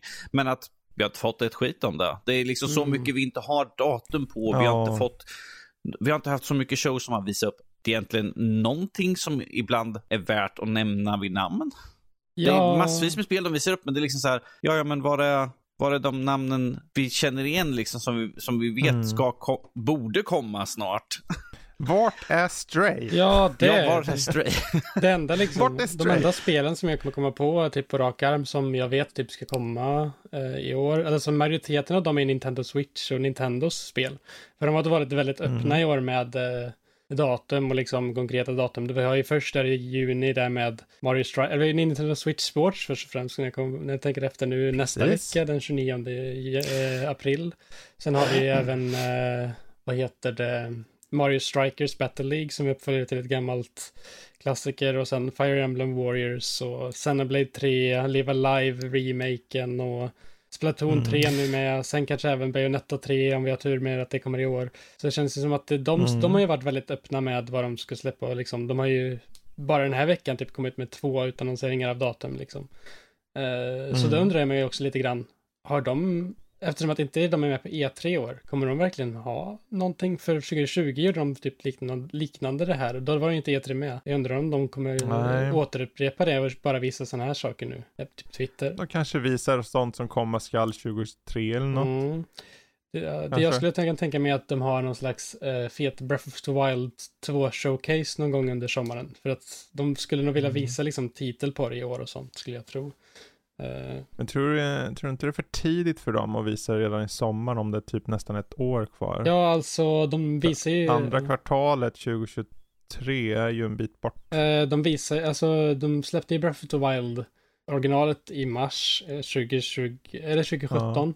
Och de visade det på E3 med en stor showcase året innan. Så det är nog inte, okay. det är ju ett sånt stort ja, ja, spel så. så jag tror att det skulle kunna vara. Men annars så, ja. ja. Jag, jag, jag, tycker vi kan, vi kan avsluta den här liksom med att säga att det är så illa ställt att vi måste få att folk frågar en, utveck en, en i teamet på Twitter för att få liksom mm. någon typ av respons. Kommer spelet? Det är inte liksom vi får någonting officiellt utan ja, vi får via Twitter liksom på en, en person i teamet säger liksom, ja men det är klart det kommer i år. Mm. Mm. Precis. Och vi som sa att det ska ja, vara bästa vi, liksom. vi, tar och, vi tar och rundar av där på, på nyheterna så hoppar vi över till vad vi själva sett och spelat och allt sånt där. Jag vet inte, finns det något spel eller någon eh, serie eller film eller något ni känner, men här vill jag höra om? Uh, jag har ju redan hört, jag har redan hört det, men uh, du kan ju prata lite grann om The Rise of the Lake Dynasty, vilket jag skulle ha sett bara för att ah, vara med och prata, men ja. det blir inte Men jag tycker det var så kul att höra dig prata om det här, för att det är inte ja. liksom, du bara wow, utan okej, okay, det, här nu, det här är intressant. Men ta Precis. Nej men det, Winning Time heter den, The Rise of the Lakers Dynasty. Och uh, den, den må handla om basket men den gör det egentligen inte. Och jag var så här, jag hörde snacket om den innan. Vad tusen man alla snackar om den här. Det är sån här typ YouTube-kritiker, filmkritiker mm. och liknande. Jag tänkte, eller tv-kritiker. Och jag tänkte, ja men jag kan väl testa och se ett avsnitt då. Sen såg jag alla sju hela natten rakt igenom. Det finns sju avsnitt fanns det ute då. Det här är ju en eh, nu, pågående serie. Det kommer komma tio totalt.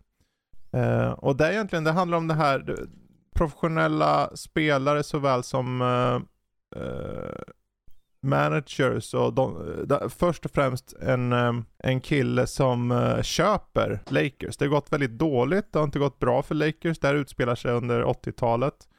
Där Jerry Buss spelad av John C. Reilly som är lite en sån här go-getter. Han är så här, om ni har sett Caddyshack och så uh, han, vad heter han, uh, galna gubben som uh, är komiker? Uh, Gene Ronde. Jag kommer inte ihåg vad han heter för någonting. Hur som helst, en sån här, en outlier, en, en kille som går sin egen väg. Och liksom de andra inom just community för, för liksom så här rikemansvärlden liksom ser ju ner på han. För han kör bara sin egen väg. Och han bara, ja men jag, jag ska köpa Lakers och jag ska tjäna på det. Och sen så får han, han, det blir en stor grej för honom att han, han inte bara ska för han brukar i regel köpa in och sen sälja av och så. Men i det här fallet så, nej det ska fan med gå bra här. Uh, och han, han provar och köper in då en spelare som heter uh, Magic Johnson för övrigt långt senare. Mm. Blev, man vet att han, han, vi vet ju att han blev jättebra. Men det visste inte de där, så de flesta var emot det. Och han har eh, även en gammal coach där, head coach, som heter Jerry West. Och ni har sett, har ni sett logon på NBAs lilla så här emblem? Mm. Så är det ju som en kille som står och spelar, ah, den... det är bara en kille stilla så här. Det är Jerry West. Jaså, okej. Okay. som de har gjort silhuett på. Eh, så han var väldigt instrumental liksom. Och han är den mest arga jäveln som finns. Han spelar alltså Jason Clark för övrigt. Han svär och kastar bucklor och allting och så. Och det, det finns någonting här. Det är en svart komik samtidigt som det är biografi. Och väldigt bra skådespeleri med väldigt lite basketspelande. Det finns någon match typ i avsnitt fyra eller fem eller vad det är. Och sen så är det mest montage typ på sånt. Varför, varför en känsla av om... liksom så här, man har liksom en, en, man ser liksom, det spelas basket, sen panorerar de bara bort mm. till en dialog istället. Så är det liksom, ja, det har med basket, mm. nu sitter vi och pratar om andra saker. Precis. Mm. Ja, nej jag tycker det här var en eh, oväntat bra serie. Just det att är så många personligheter, även om det är John C. Reilly och han som spelar Magic Johnson, Quincy Asaya, Asaya tror jag han heter. Att deras liksom, vad de gör är det som står mm. ut mest då. Men eh, det är filmat på ett sätt som gör att det bara skriker 80-tal. Det är som att all, hela serien är liksom ger dem en VHS-band nästan och ibland så byter den shots till så här 4-3 format och sen så bara skjuter in. De introducerar en, en vit um, basketspelare, han är väldigt känd, jag har glömt bort namnet men det är någon av de här kända vita som fanns. Uh, och då står det bara på skärmen så här, You know my fucking name. står det bara så här, boom, boom, boom, boom, boom, ovanför. Och hela tiden skjuter de in saker så här i, i, uh, i shotten. Och de byter scenerna ganska rappt och en film, så här klippteknik som jag tycker är jättefräsch. Så att eh, jag, jag blev eh, tagen på sängen. Jag kan bara säga, se den här. Se den. För guds skull. Se ett avsnitt bara, så vet ni vad det handlar om. Eh, och då vet ni om ni vill se vidare. Winning Time finns på HBO. Ehm, och eh, oväntat bra. Ja, mm. that's that. Mm, det. det finns säga så mycket mer, men det, jag blir så disträ mm. nästan av Ja, jag tänkte bara in, innan äh, folk tar, tar och skriver hål i huvudet, Rodney Dangerfield. Hej, hej, buy my stuff, hej, hej. Precis, för han var ju som en sån här utanför snubbe som bara tjänar pengar. Han är ju en sån här car, liksom car boot salesman, liksom. You want some stuff? I got mm. stuff here. Mm. Exakt så spelar typ John C. Reilly. Och han blev, ja men uh, hur ska vi göra med bokföringen? Ja, men vi brukar ha den här som är på Lakers, hon gör det. Nej nej nej, jag tar det till min morsa. Spelad av Sally Field. Oh, som sitter, ja ah, jag går igenom det här. För de, ska ju, de vill ju inte, de vill inte att Lakers ska veta vissa problem de har med ekonomin. Mm, double booking och, så. och sånt där. Ja, så det, åh, oh, vad bra. Det är så jävla bra serie. Um, vad som kanske också är bra är Moss, Book 2, Danny. Jag har hört talas om det, det spelet. Bra? Är det, är det inte bra? Ja. Vad handlar det om? Vad gör man? Jag har hört talas om spelet. Uh, sådär. Är det bra Fredrik? Jag vet inte. Uh, ja, det är jag som ska prata om spelet. Mm. Uh, Moss Book 2 är en direkt uppföljare. Vi tar direkt vid där första spelet slutade. Vi spelar som den unga musen Quill. som är en, ja, vad ska man säga, en äventyrare. Och mig själv som spelare kallas för en, en reader eller läsare då. Uh, för att spela spelet startar att du sitter i ett stort en stor hall. Jag beskrev det som, tänk dig matsalen i Hogwarts, den stora hallen där de har flytande ljus och sånt där. Det ser exakt ut som den nästan, minus de flytande ljusen i luften. Och där har vi boken Moss, liksom som öppnas upp. Och så får man berättat i bildspel mer eller mindre vad som har hänt för någonting. Uh, världen är lite grann i kaos för att det finns fem glasskärvor, magiska glasskärvor. Och ifall någon innehar alla fem så kan, de liksom, så kan läsaren och dess avatar, den som den läser om i boken, kan forma världen som de själv vill. Och det får inte ske och det är där Quill och hennes farbror är ute för att försöka stoppa. Uh, spelet börjar direkt där första spelet slutar med slutbossen och sen tar det bara vid och fortsätter in i slottet, springa runt, ner, eh, vad är det, en, två, tre, fyra, fem, är det åtta, områ åtta områden? Vad är det för någonting? Sex, sex åtta områden. Jag har precis glömt just nu. Så här. Jag har spelat, spelat det liksom hela tiden här nu, så jag har glömt. Så här. Det är för att jag var så fullt upp med det. Uh, men uh, för er som inte vet, det här är ett VR-spel um, ehm, till Playstation. Och det, det utspelas mer eller mindre som ett diorama. Du har liksom hela scenen framför dig där du kan kliva runt. För att det finns, hemligheten finns pergament som man kan hitta. Som, uh, när man hittar ett pergament så får man en del av ett eh, vad heter det så här, eh, som typ ett kyrkfönster. Sån här glass pane. Mm. Eh, som man får mm. dela. Det är bara samla grejer egentligen. Det är bara för trophy. Um, så att jag tycker det det som är kul liksom att kunna stå och liksom kliva runt i scenen samtidigt för att köra, jag kör på Playstation 5, men att jag måste ju ha en adapter för min Playstation-kamera för PSVR och jag måste ha en Playstation 4-kontroll för att PS5 har inte den här lightbar på framsidan, så de funkar inte. Vilket är lite tråkigt, men som tur hade Fredrik kvar Playstation-kontroll så jag kunde låna så jag kunde spela spelet. Eh, väldigt simplistiskt kontrollschema. Eh, vänster framstick, du styr MOS och sen på uh, X och fyrkant så hoppar och slår du. Och sen använder du liksom handkontrollen och styr runt i världen. Du har som en cirkel en, en orb som, ser, där, som du kan använda. Du kan, ifall en fiende kommer så kan du ta orben, trycka på L1 eller L, eh, R2 så fångar du kan fånga fiender. Eller ifall Moss blir skadad så kan du hålla över och hålla in knappen så healar man henne. Väldigt smidigt. Eh, något som är nytt för spelet är att du kan hitta armor. Du har nya vapen, du kan få nya specialförmågor. En dash-funktion som gör att du kan ta över stora eh, klippavsatser mellan plattformar. Eh, du har en enorm hammare som du kan använda för att slå på knappar så att du höjer plattformar.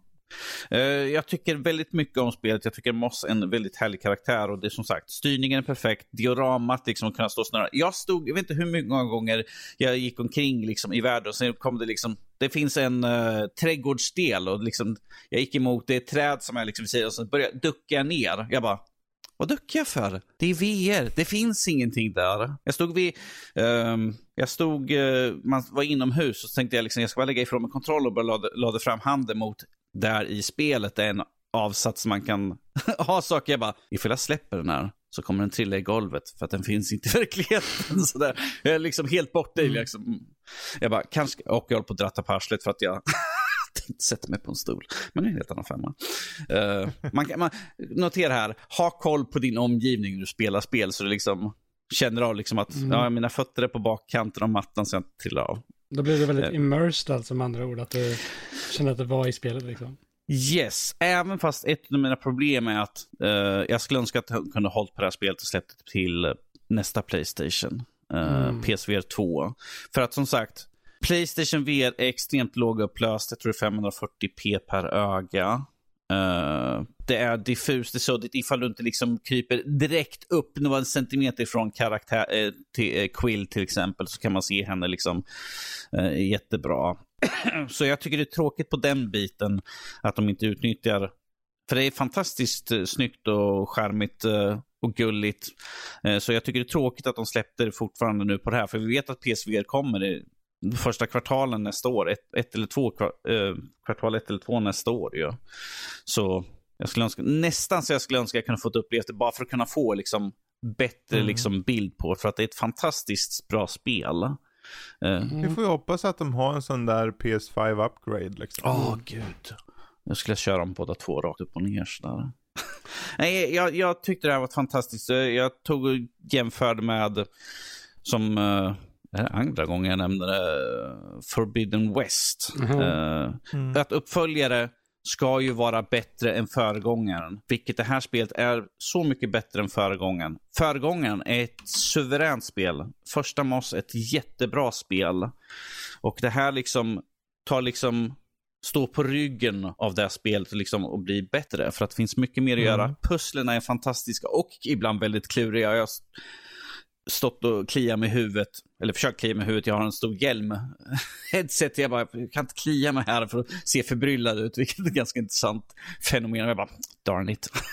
Eh, så att jag har varit lite förbryllad på en del pussel. Eh, det kan vara allt från liksom eh, ta, använda kontrollen för att liksom dra upp eh, saker ur marken, få moss att hoppa över, till en plattform, ta tag i plattformen, dra henne till ena sidan. Så det är väldigt interaktivt. Det är som sagt en väldigt interaktiv berättelse.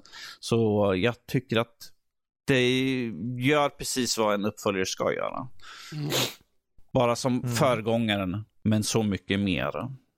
Mm. Det är bra att höra. Ja, och utnyttja systemet liksom. Och det är kul att Playstation Plus ändå släpper de här spelen. För det visar på att det finns ett liv där. Mm. Uh, I något som um, säkert någon eller några eller många kanske tycker, ja men PSVR är så ute. Nej, alltså, jag tror Sony tror på det fortfarande. Och det visar sig ju med att de utannonserar PSVR 2 och så. Så Precis. det är kul att veta att de, uh, att de har släppt det här. Uh. Moss Part 2. Ja.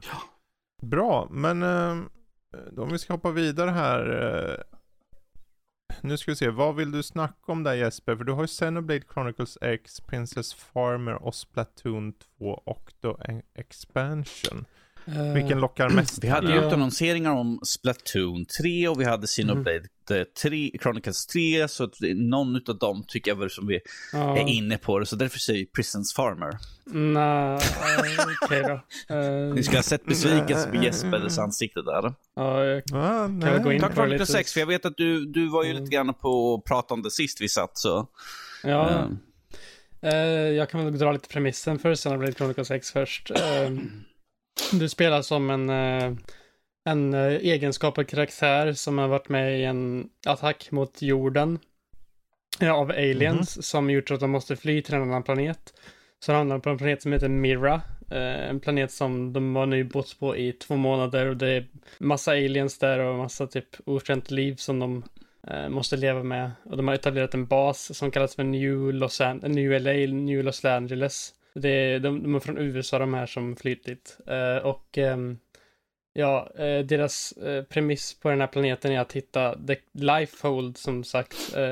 det är där många av de som har blivit, liksom varit med på skeppet har hamnat i den här The Lifehold och det är där de finns och det är liksom där liv finns det är där de ska hitta för att kunna liksom sen fly från den här planeten och dra tillbaka. Typ. Så det är väl typ premissen.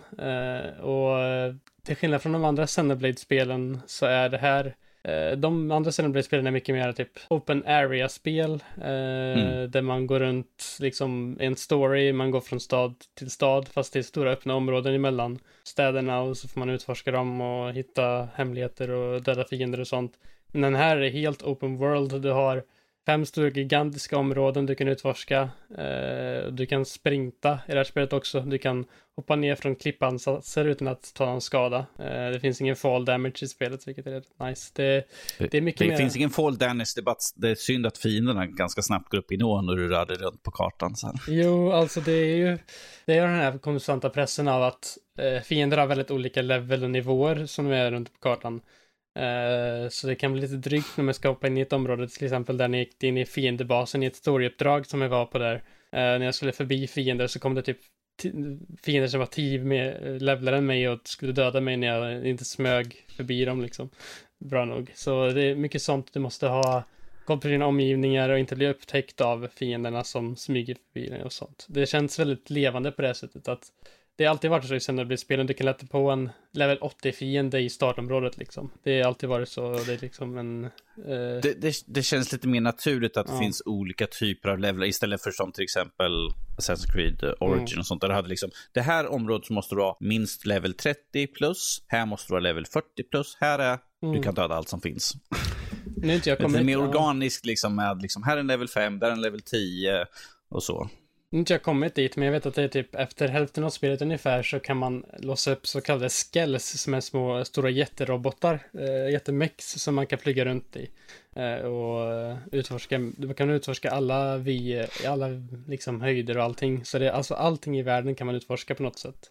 Eh, så det ska bli intressant sen att se hur det blir då. Men uh, det finns en sak som stör mig ganska mycket i det här spelet och det är en liten designval. Mm -hmm. Det finns olika slags missions i det här spelet. Det finns main missions, det finns affinity missions och det finns ja, bounty missions som är typ bara går och dödar den här fienden. Och så, så här, social affinity missions. Och social affinity missions är sidequests som låser upp mer story bland karaktärerna i världen. Men grejen är, om du accepterar ett sånt mission Eh, så kan du inte fortsätta med main storyn förrän du har klarat, förrän du klarat ut den här missionet. Liksom. Så det blir utelåst från att fortsätta med spelet. Och ifall du råkar välja något affinity mission som du egentligen kanske tekniskt sett inte tänkt att göra vid det här laget så måste du ändå klara ut det. Så ifall du vill gå vidare i storyn så måste du typ grinda 10 levlar eller någonting för att bara döda typ en boss i den eller någonting. Så det känns lite så här, man känner lite, lite så här, ska jag verkligen ta det här Affinity Missions nu eller kommer jag bli utelåst från att göra allt annat jättelänge nu bara för att eh, jag ska göra ett quest här som jag egentligen inte riktigt redo för levelmässigt. Så det är verkligen det är en liten sak som är lite störande. Men, vi satt ju och eh, pratade om det här sist när du satt och streamade lite grann här när vi satt och pratade i grupp. Mm. Eh, jag sa liksom, det är lite grann i jämförelse med uh, vissa uppdrag i Forbidden West. Att mm. Du får uppdrag som du kan påbörja, men sen efter halvvägs igenom dem så är det liksom, ja men nu, nu är du klar med den här biten av det här uppdraget. Och så går man bara, ja men då går jag vidare på nästa. Så man bara, vadå lockt? Mm. Vadå låst? Du, så att du liksom måste ta det längre fram i huvudstoryn. liksom. Man bara, ja. men jag, jag, tycker det här var intressant, jag vill göra klart den och sen kan jag gå och göra huvudstoryn. Men det var liksom att, såklart, en, en var ju liksom att du var nöjd att kunna ha, att du kan, sit, du kan flyga i spelet mer eller mindre på eh, de här traktyl-liknande mm. varelserna. Där, där kunde jag förstå, men att de andra questen, jag var, jag vet inte varför vi har låst det här bakom det. Ja. Du kan göra dem vidare för att det finns ingenting i tidslinjerna som liksom får dem att gå emot varandra. Grejen är att i Xenoblade Chronicles X så är det så att du, eh, ifall du, vilket, utav, vilket som helst av de här Affinity Missionsarna, ifall du startar någon av dem så kommer du, det står så här, your progress will be locked to this mission now eh, for the duration of it och du kan inte liksom gå ut ur eller acceptera något annat när du gör det här. Mm. Och det tycker jag är lite dåligt val egentligen att eh, liksom det känns som att de gatekeeper väldigt mycket där med att du Ja, du kanske måste grinda i, i rejält mycket bara för du råkade acceptera fel Affinity Missions nu och sen bara, ja. Ja, oh, shit, jag är 30 levlar under. Mm, för det, fin oh. det finns de som du måste göra, för varenda story mission kräver att du har gjort typ eh, lite så här prerequisites för att okay, göra det. Eh, så det är, in, det är, inte liksom helt frivilligt att du Nej. måste i slutändan ändå ja. ha gjort, okej. Okay. Inte alla utav dem. Eh, vissa utav dem är helt så här, bara... ja, Du sa ju att du, en del är liksom som är liksom en förutsättningar för att kunna mm. ta det vidare. Ja, precis. Och det kan finnas till, till exempel eh, utforska typ 20% av det här området på kartan liksom. Det skulle jag klara utan problem. Jo, men det är inte så svårt. Du går runt och sätter ut sådana här eh, probes på kartan som låter upp nya landmarks och grejer. Det är ganska kul, tycker jag. Eh, och sen så finns det även ett annat mission som är lite jobbig och det är att gathering missions, alltså när du ska hitta resurser och sånt i världen, specificerar inte riktigt var du kan hitta de här, utan det kan finnas på hela kartan i det området du är på. Så då kan mm. du springa runt där i typ flera timmar utan att hitta vad du ska hitta. Så min taktik är att acceptera alla sådana missions eh, i liksom eh, missionboarden och se om jag, och sen gå ut ur den missionboarden och se om jag har klarat något av dem och sen så eh, tar jag bort dem och sen så gör jag om det. Så, så till slut så får man ju klarat vissa av dem ändå. Så det är, ja. Men överlag så tycker jag att det här är väldigt imponerande spel, att de kan klämma in så här mycket spelcontent och så här stora världar på en Wii U som inte är, alltså det är mindre kraftfullt än en Switch till och med.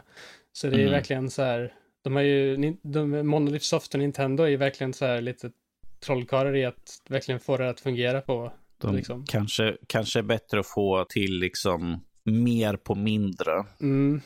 Är, kanske mer optimerade på liksom hur de gör saker och ting. Det är därför jag undrar lite när de säger att eh, Breath of the Wild 2 ska släppas på eh, starkare hårdvara. För jag tror ändå att de vet hur man optimerar sånt här och Wii, alltså Breath of Wild 1 släpptes ju också på Wii U liksom, så det är liksom den grejen där. Ja, ja, vad var det? Det var Digital Foundry som mm. pratade mm. om eh, Breath of the Wild, att de var skeptiska på att det skulle kunna funka på switchen mm. och att det skulle vara för stort också mm. för så Precis. att, jag menar, mm. Switch Pro nästa år kanske, vi får se. Jag menar, vad säger du Fredrik?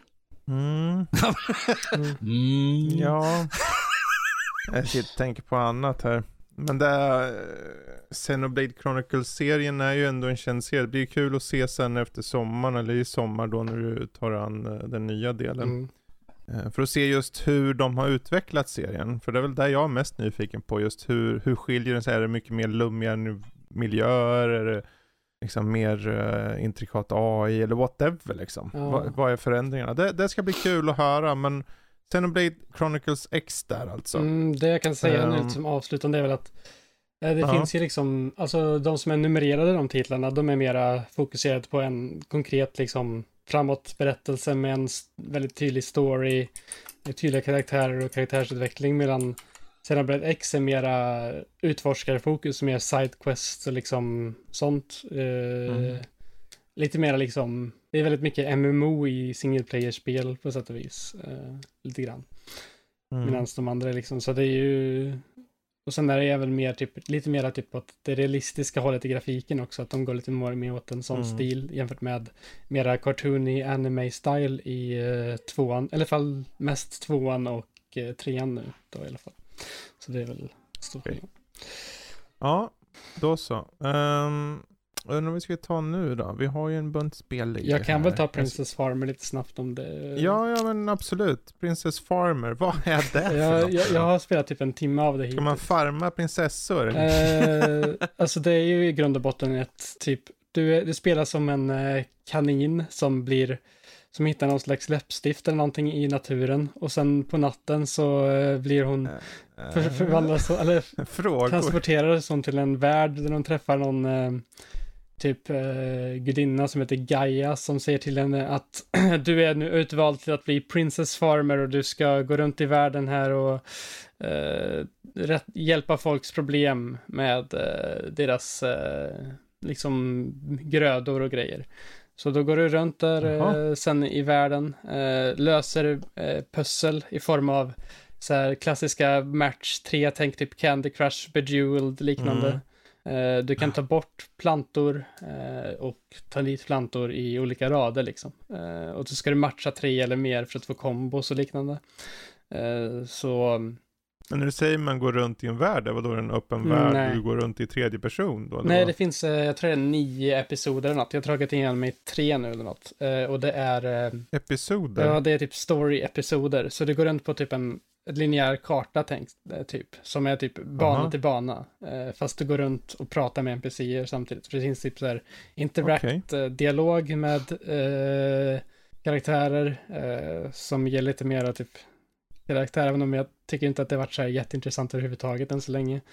Eh, och sen är det även, eh, vad heter det, då de här pusslarna du ska göra. Till exempel, det kan vara en typ mm, fågel som ber dig att typ skörda de här uh, grödorna och så ska du få dem att, uh, du ska matcha deras, liksom, eller de grödorna och så kan du ha olika sådana på en uh, beställning typ liksom. Och sen när du har klarat ut dagen så eh, beroende på hur väl du gör mot de olika karaktärerna så har de olika status emot dig så då, och det är, de, det är gåvor som ger dig pengar för att kunna typ byta hårfärg och liknande sen. Eh, I byte köpa till att typ byta kosmetiska saker. Sa du att man var en kanin? Ja, eh, det är... Byter man hårfärg på en kanin? Ja, alltså hon har ett hår och hon har hår och grejer. Ja. Interesting. Okej, så Då- m- kaninen träffar en mångudinna Alltså med en kanin också. rätt då? Alltså det är lite, som också är en kanin. ja, jag kan säga att det här spelet, Okej. alltså de, Är alla kaniner? Nej, typ bara de två hittills. Eller nej, det är, det är några till. Men det, alltså jag skulle säga att det är lite på gränsen att bli så här eh, furry deluxe-spel, om man säger så. Okej. Men jag tycker ändå att... eh, Är det visual novel?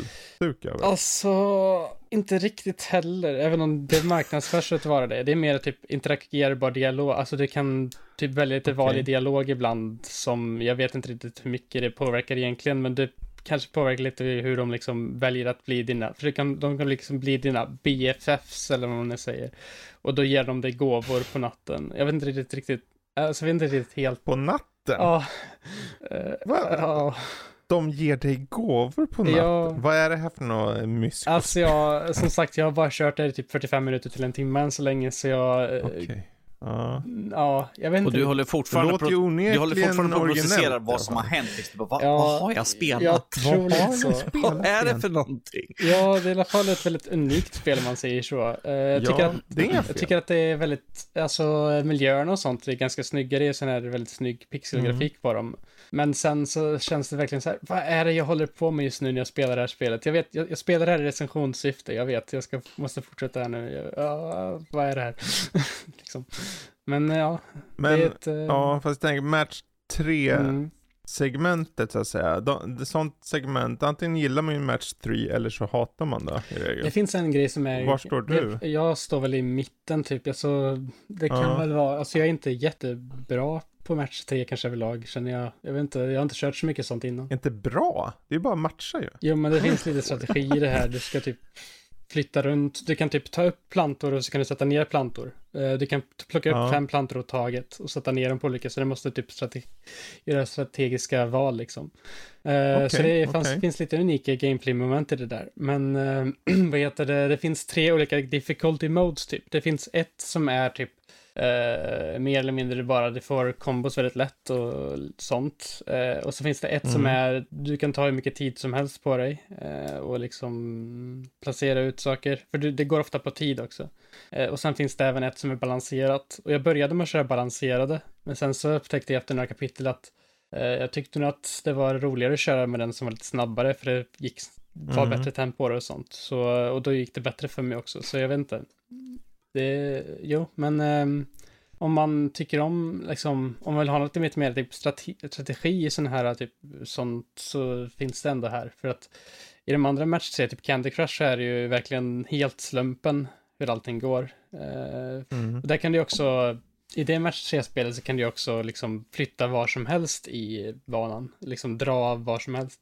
Här måste du placera ut dem så de typ antingen åker uppåt eller åker neråt liksom i en rad. Mm. Så det är lite mer så eh, också. Om vi säger så här, till skillnad från uh, Candy Crush så verkar det här vara betydligt mer ett riktigt spel. Mm, jo, det skulle jag nog kunna säga. Och som, och som det hårt, låter så. väldigt bonkers. Det är... Ja, bonkers har en unik stil, det har eh, liksom en spelmekanik som faktiskt förändrats lite grann, ja. även om det är i grunden match 3. Ja. Det finns uh, lite intressant, det finns en typ Shadow Bunny eller någonting liknande som uh, finns i världen också, som är typ din enemy eller din fiende, så du, när du möter på honom så får du, du ska möta liksom motståndare i liksom, du ska göra snabbare än den andra och göra de okay. ja. uppdragen liksom. Eh. Alltså, jag blir, jag blir ju genuint nyfiken på det här med ut, ja. vad, du, vad du säger här ändå. Det känns unikt och udda och, ja. och fortfarande har Match 3. Jag gillar ju Match 3-konceptet mm. i regel. Mm. Ibland görs det bättre, ibland görs det sämre, men typ så här, alla de här popcap-spelen. Mm.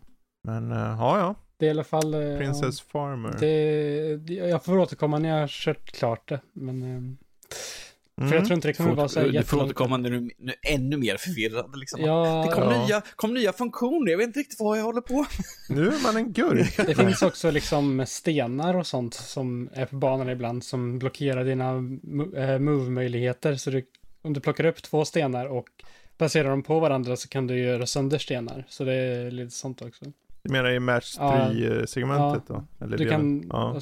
du kan plocka upp saker och så kan du plocka upp stenar och så, om du placerar mer än två på rad så kommer de förstöras mm. och försvinna. Så då kan du börja okay. placera ut. Så det finns ju ändå lite strategi liksom. Ja.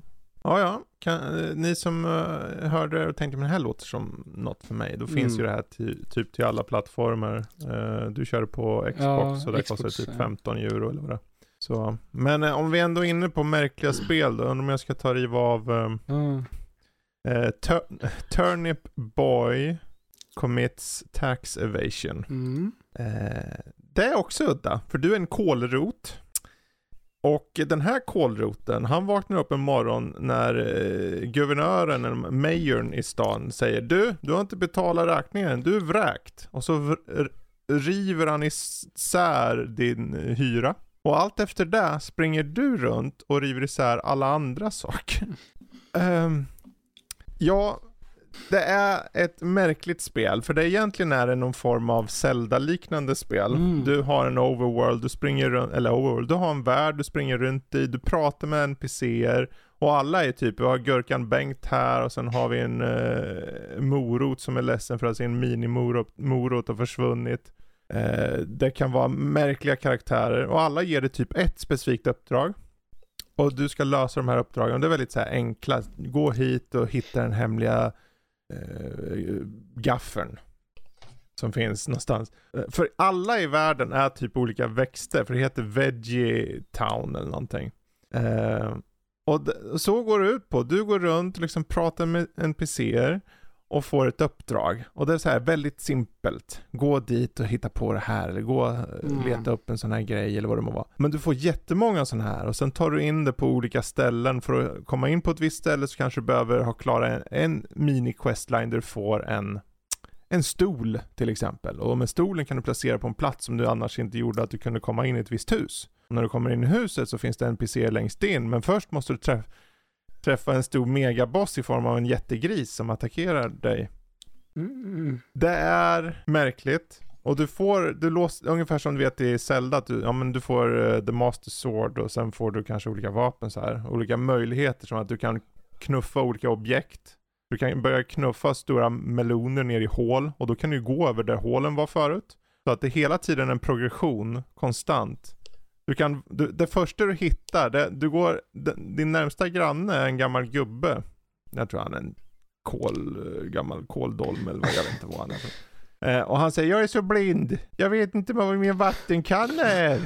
Den står typ en halv meter ifrån honom och du säger, för din karaktär svarar aldrig på något, alla andra pratar med honom och den säger bara Hä? Mm. Frågande jämt och får bara uppdrag hela tiden.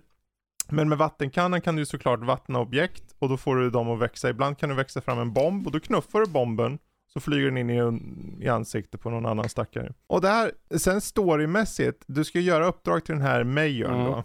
För att du ska få tillbaka ditt hus. För att du har misslyckats att betala din skatt. Eh, och sen går du runt och hittar objekt i världen. Ibland kan du göra så här, du gör uppdrag, men du kan också hitta, ja men här är ett kvitto. Ja men det är kvitto till den här karaktären, säger han och så river han isär kvittot. Och sen så går han och berättar, jag hittade ditt kvitto men det är borta nu. Åh oh, nej, okej, okay. ja men du, du kan ta den här saken så länge. Och så visar det sig vara en sak som behövde till en senare sak. Och hela tiden är saker, och allt du hittar, allt du hittar river han alltid isär. För han är van och alltid, för han var, han var också den om inte jag miss, jag tror det var han som rev isär sin egen hyra i början. Jag vill inte betala, så rev han den. Och sen kommer han, nu vräks du för du har inte betalat din skatt. Oj, oj. Det, det, är så här, vad är det här? Så det är egentligen, det finns så här dungeons, du kan fulla av små pussel och det är lite sällsynta objekt och sånt och du slåss mot massa odjur som försöker förstöra det här trädgårdssamhället. Um, du kan odla och skörda små växter för att underlätta din resa. Och sen pratar du hela tiden med olika NPCer och allt det alltid slutar med är att du förstör massor med olika skattedokument. Alltså, jag måste ju det... köra det här spelet känner jag. Det låter väldigt intressant. Det här spelet var så här, det är väldigt simplistiskt, det är jättesött i utseendet. Sån här top-down, nästan så här old school Zelda-stuk. Mm. Um, och du hela tiden får ny typ av verktyg.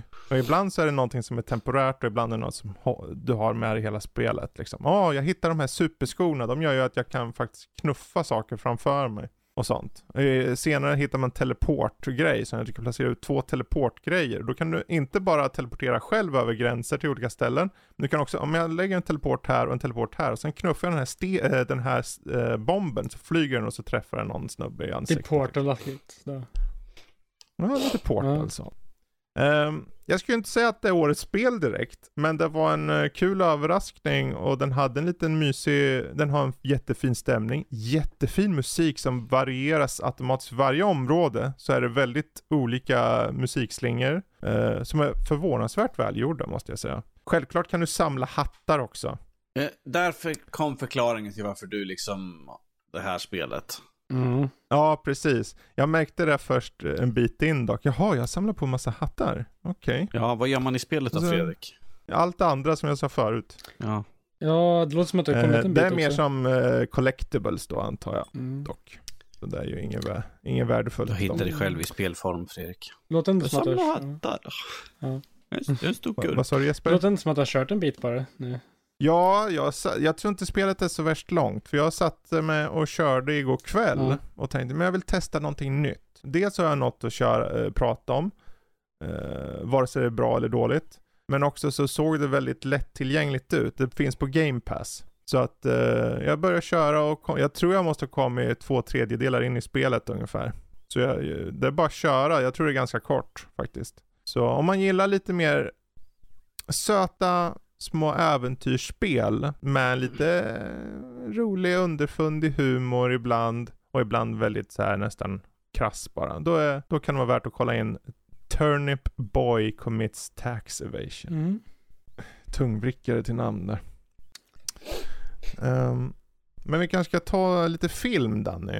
Eh, kan du berätta det här uh, The Lost City, är den värd att gå och se? Uh, på bio. Gå på bio. Uh, är den värd att gå och se? Well, jag, jag säger så här, det var inte jag som valde filmen, men alltså vi säger så här, Den är en underhållande film. Det är en helt duglig film. Uh, den är inte den bästa jag någonsin sett, så jag tänker inte säga att liksom, du måste gå och se den. Eh, kan vänta tills den kommer till streamingservicen och sånt där. Uh, I filmen har vi Sandra Bullock. Hon spelar en karaktär som uh, skriver tantsnusk. Det är hennes roll, fast hon är... Typ så här Harley Quinn. Typ eller? Harley Quinn. Och eh, mm.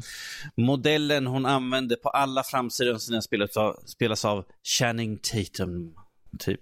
Fast han har en peruk på sig som gör att han ser ut som Fabio eller något sånt där. Ja, ja, ja. Uh, det inleds, uh, jag tror det är med i trailern, man ser dem ligga på golvet, massa ormar runt omkring. Channing Tatum ligger med en blond peruk på sig, mer eller mindre så här, typ vit skjorta, typ uppknäppt. Liksom bara, oh, hur, skulle vi, hur kunde det komma att vi hamnade här liksom? Sen eh, skurken bara, haha, nu kommer du dö liksom. Och de bara, Alltså de här ormarna, vem är det som har hand om dem? Liksom, de bara, äh, äh. och varför biter inte den skurken? De tränade att inte bita skurken och de bara, äh, jag vet inte riktigt. Varför letar vi efter den här skatten? Är det verkligen så här det ska vara? Hon bara, delete så försvinner skurkarna. Delete så försvinner ormarna. Delete så försvinner Channing Tatums karaktär. Dash tror jag han heter. och det är liksom bara att hon sitter och skriver, försöker skriva slutet på sin bok och det är liksom introt på filmen. om vi drar den, större eh, historien är att hon blir kidnappad av eh, en karaktär spelas av Daniel Radcliffe. Mr Harry Potter eh, spelar eh, en person som är ute efter en skatt och hon är den enda som kan översätta en liten textremsa, jättegammal textremsa. Så det är därför hon blir kidnappad. Och Channing Tatum som verkar ha någon typ av eh, intresse av henne ger sig på den här idén att jag ska iväg och rädda honom. Fast han är, hans karaktär är en sån här, jag går på yoga, jag äter rätt, jag är modell, jag kan inga smarta saker egentligen. Så han är ju spelare är lite grann här bimbo manlig mm. version sådär. Men att uh, allt eftersom filmen så får de, får de liksom lära känna av varandra att det kan, de kanske inte liksom så som de har tänkt att de ska vara. Uh, Channing Tatum har lite, lite mer djup, karaktären har lite mer djup och hon har också mer uh, hon är låst tillbaka sen hennes man dog och det är därifrån liksom hennes karaktär är bara inne och skriver romantiska böcker och sånt där. Det är allt hon gör. Och liksom, hon mm. har liksom mer eller mindre slutat leva för att förlusten av ens man och nu får hon... Som sagt, det är en sån här lite, lite i slutändan är det en liten feel film men att den är lite fånig. Vi har cameo Brad Pitt är med i filmen också som en yrkes... Är det bara en kort cameo? Det är bara en kort cameo. Jag tror han var med lite mer. No, det är en cam... Det är mer, alltså, han har en lite scen, men att det är inte att han är mycket med i filmen, han kanske är med i fem minuter som mest. Kanske. Jag för en cameo ja, bara okay, typ en snabb... Han är, han är en kortare inhopp mer eller mindre. Han spelar ja. en... Uh Uh, mer en mercenary ja. mer eller mindre som han ja, ska okay. ta hjälp av. Men sen händer det saker och sen är inte han med. han dör alltså? Det säger jag inte. Någonting händer i alla fall och uh, de, det blir liksom de två som ska liksom försöka ta sig ifrån skurkarna och ta sig därifrån. Men mm. att saker och ting går all, Aldrig mm. som man tänker sig. Alltså det, var en, det är en underhållande film. Eh, jag tycker att det är en bra kemi mellan Channing Tatum och Sandra Bullock. Så den är helt sevärd. Eh, det, mm. det, är mm. ingenting som jag säger, liksom, som till exempel när det kommer en sån här Marvel-film som har varit suverän och så bara, ni måste se, ni måste, det här är liksom så här, ja men ifall ni har liksom tid över liksom, och liksom bara vill gå och se någonting lugnt och avslappnat så här liksom, skratta lite granna Mm. Så helt okej. Eller, eller vänta tills den kommer till en streamingservice helt enkelt. Ja. Så jag, jag var ja. underhållen och Maria som jag gick med var också underhållen av filmen. Så. Ja. En duglig rulle. En duglig rulle faktiskt. Men that's it. That's it. Mm. Ja. Okej, okay. ja men vad bra. Jag tänkte om vi ska avsluta med Splatoon 2 och då Expansion. Ja. Det här är singelspel? Yes, det är det. Det är en expansion som släpptes, eh, tror jag var året efter Splatoon 2 släpptes. Som nu mm. med idag, eh, så när Splatoon 3 fick datum så fick även, så kom även den här expansionen med som en gratis eh, liten eh, benefit för Nintendo Switch online-ägare. Eh, så jag fick tillgång till den här gratis idag, så jag, tänkte väl kan testa lite grann. Vad då är den helt fri? Ja, om man har Splatoon 2 och Nintendo Switch online. Jaha, du måste ha Splatoon 2? Ja, men om du har Splatoon 2 och okay. Nintendo Switch online så kan du köra den här expansionen. Eh, och den här expansionen är i princip en single player-läge eh, som är lite mera liksom story till Splatoon. Du spelar inte som den vanliga liksom inkling, utan du spelar som en Octoling som är eh, liksom Octolings är dina fiender i single player-kampanjen. Eh, så, ja, ehm, eh, och de här Octolings, eh, du, du, är en Octoling, eh, du får välja en karaktär, en kvinna eller en man. Eh, så vaknar du upp i en tunnelbanestation och träffar på Eh, en välkänd karaktär från Splatoon eh, single player-kampanjen som berättar för dig att du är liksom och fråga vem du är och lite sådana saker och sen så börjar ditt äventyr när du ska ut och utforska tunnelbanestationen och sånt. Eh, och eh, det utspelar sig på olika banor och utmaningar som du ska göra lite, eh, ja, till exempel du ska göra en plattforming-utmaning där du eh, hoppar på plattformar typ som studsar eller om du ska typ rulla runt som en eh, splatbomb eh, och eller ska du åka eller ska du kanske åka runt i en jetpack och skjuta ner fiender eller sånt. Och det är en härlig utmaning i det ändå som inte original, eh, vad heter det, kampanjen har än så länge. Det har, eh, vad heter det, så här, eh, det, det, har tre liv per bana innan du behöver betala mm. för, med pengar för att, alltså spelpengar, in-game currency du har i spelet för att kunna köra om banan. Så du måste samla på dig mer som currency för att kunna köra de svårare banorna. Så det är inte bara att testa om och om igen. Eh, så det finns ändå en liten mm. som, liksom, barriär där. Eh, men jag tycker hittills att det är väldigt trevligt. Det har en trevlig estetik och det har lite intressant mysterium här. Varför är du en Octoling men ändå så är Octolings i banorna vill attackera dig av någon anledning? Så det är liksom, du är ju en liten outsider till dem ändå. Så liksom, är, du är på mm. den goda sidan men du är ändå en Octoling. Så det finns något slags mysterium där i det. Uh, jag känner i alla fall, det känns mycket, alltså, det är ganska bare bones det som är han, Splatoon 2s liksom originalstandardläge. Då åker du bara från bana till bana och liksom gör lite små utmaningar eller sånt. Eh, det är okej okay för vad det är, men det är ändå inte liksom något säljande punkt för det. Men jag tycker ändå att den här Octo Expansion har någonting som inte riktigt det har. Uh, vi får se hur det utvecklas sen. Men uh, hittills från första banorna så är det ganska intressant. Så mm. ja. Ja, men det är kul ändå att det släpps lite fritt där på den där mm. uh, online, Switch online. Man får lite mer valuta valuta för pengarna. Um, ja, ja, men då så. Uh, Splatoon 2 Octo Expansion tillgängligt för er där ute som har den tjänsten. Men eh, då så, då börjar det bli dags att runda av. Eh, innan det, jag tänker vi ska, eh, dels ska vi ha en Discord-fråga, ni kan ju klura ut den. Men framförallt är det så att ni har lite frågor, om det är någonting ni känner, men det här skulle jag vilja att ni, att ni bubblar om i podden. Eh, ja men hoppa in på vår Discord eh, och eh, skriv in det på Q&A för podden som den röst, eller chattkanalen heter. Så, så kommer vi ta upp det nästa vecka. och likaså då en Discord-omröstning. Så då är frågan vad ska vi ha för en liten omröstning? Och det är samma sak där, den omröstningen kommer finnas på, på Discord också i omröstningar som chatten heter. Mm. så kan man rösta. Um, ja, vad säger ni? Har ni något förslag? Ja, alltså det kanske kan vara någonting med den här typ too good to bad. Liksom, det kanske... Ja. Uh, too good, ja, eller too där. bad it's good liksom. Uh, måste säga. Då gäller det att veta ett gäng spel som är potentiellt. Mm. Det är bara skriva allihop och sen för folk röstar man bara, ja så tycker du att det är där? Men typ uh, Deadly ja. Premonition. Uh, vad heter det, de där postal-spelen och lite sådana saker. Det finns nog ja. ja, för all del. Nej men varför inte? Mm. Uh, vi kan köra på det. Vi kommer ha en omröstning då om um, vilka spel som är so bad it's good. Och sen kommer det vara ett gäng alternativ. Och sen så kommer det förmodligen vara ett alternativ som är, uh, jag skriver i speldiskussioner istället. För jag har ett helt annat förslag. Till exempel. Mm. Så kika där i omröstningar. Uh, vad det lider. Så ska vi försöka få in den frågan. Mm på söndag när det här släpps.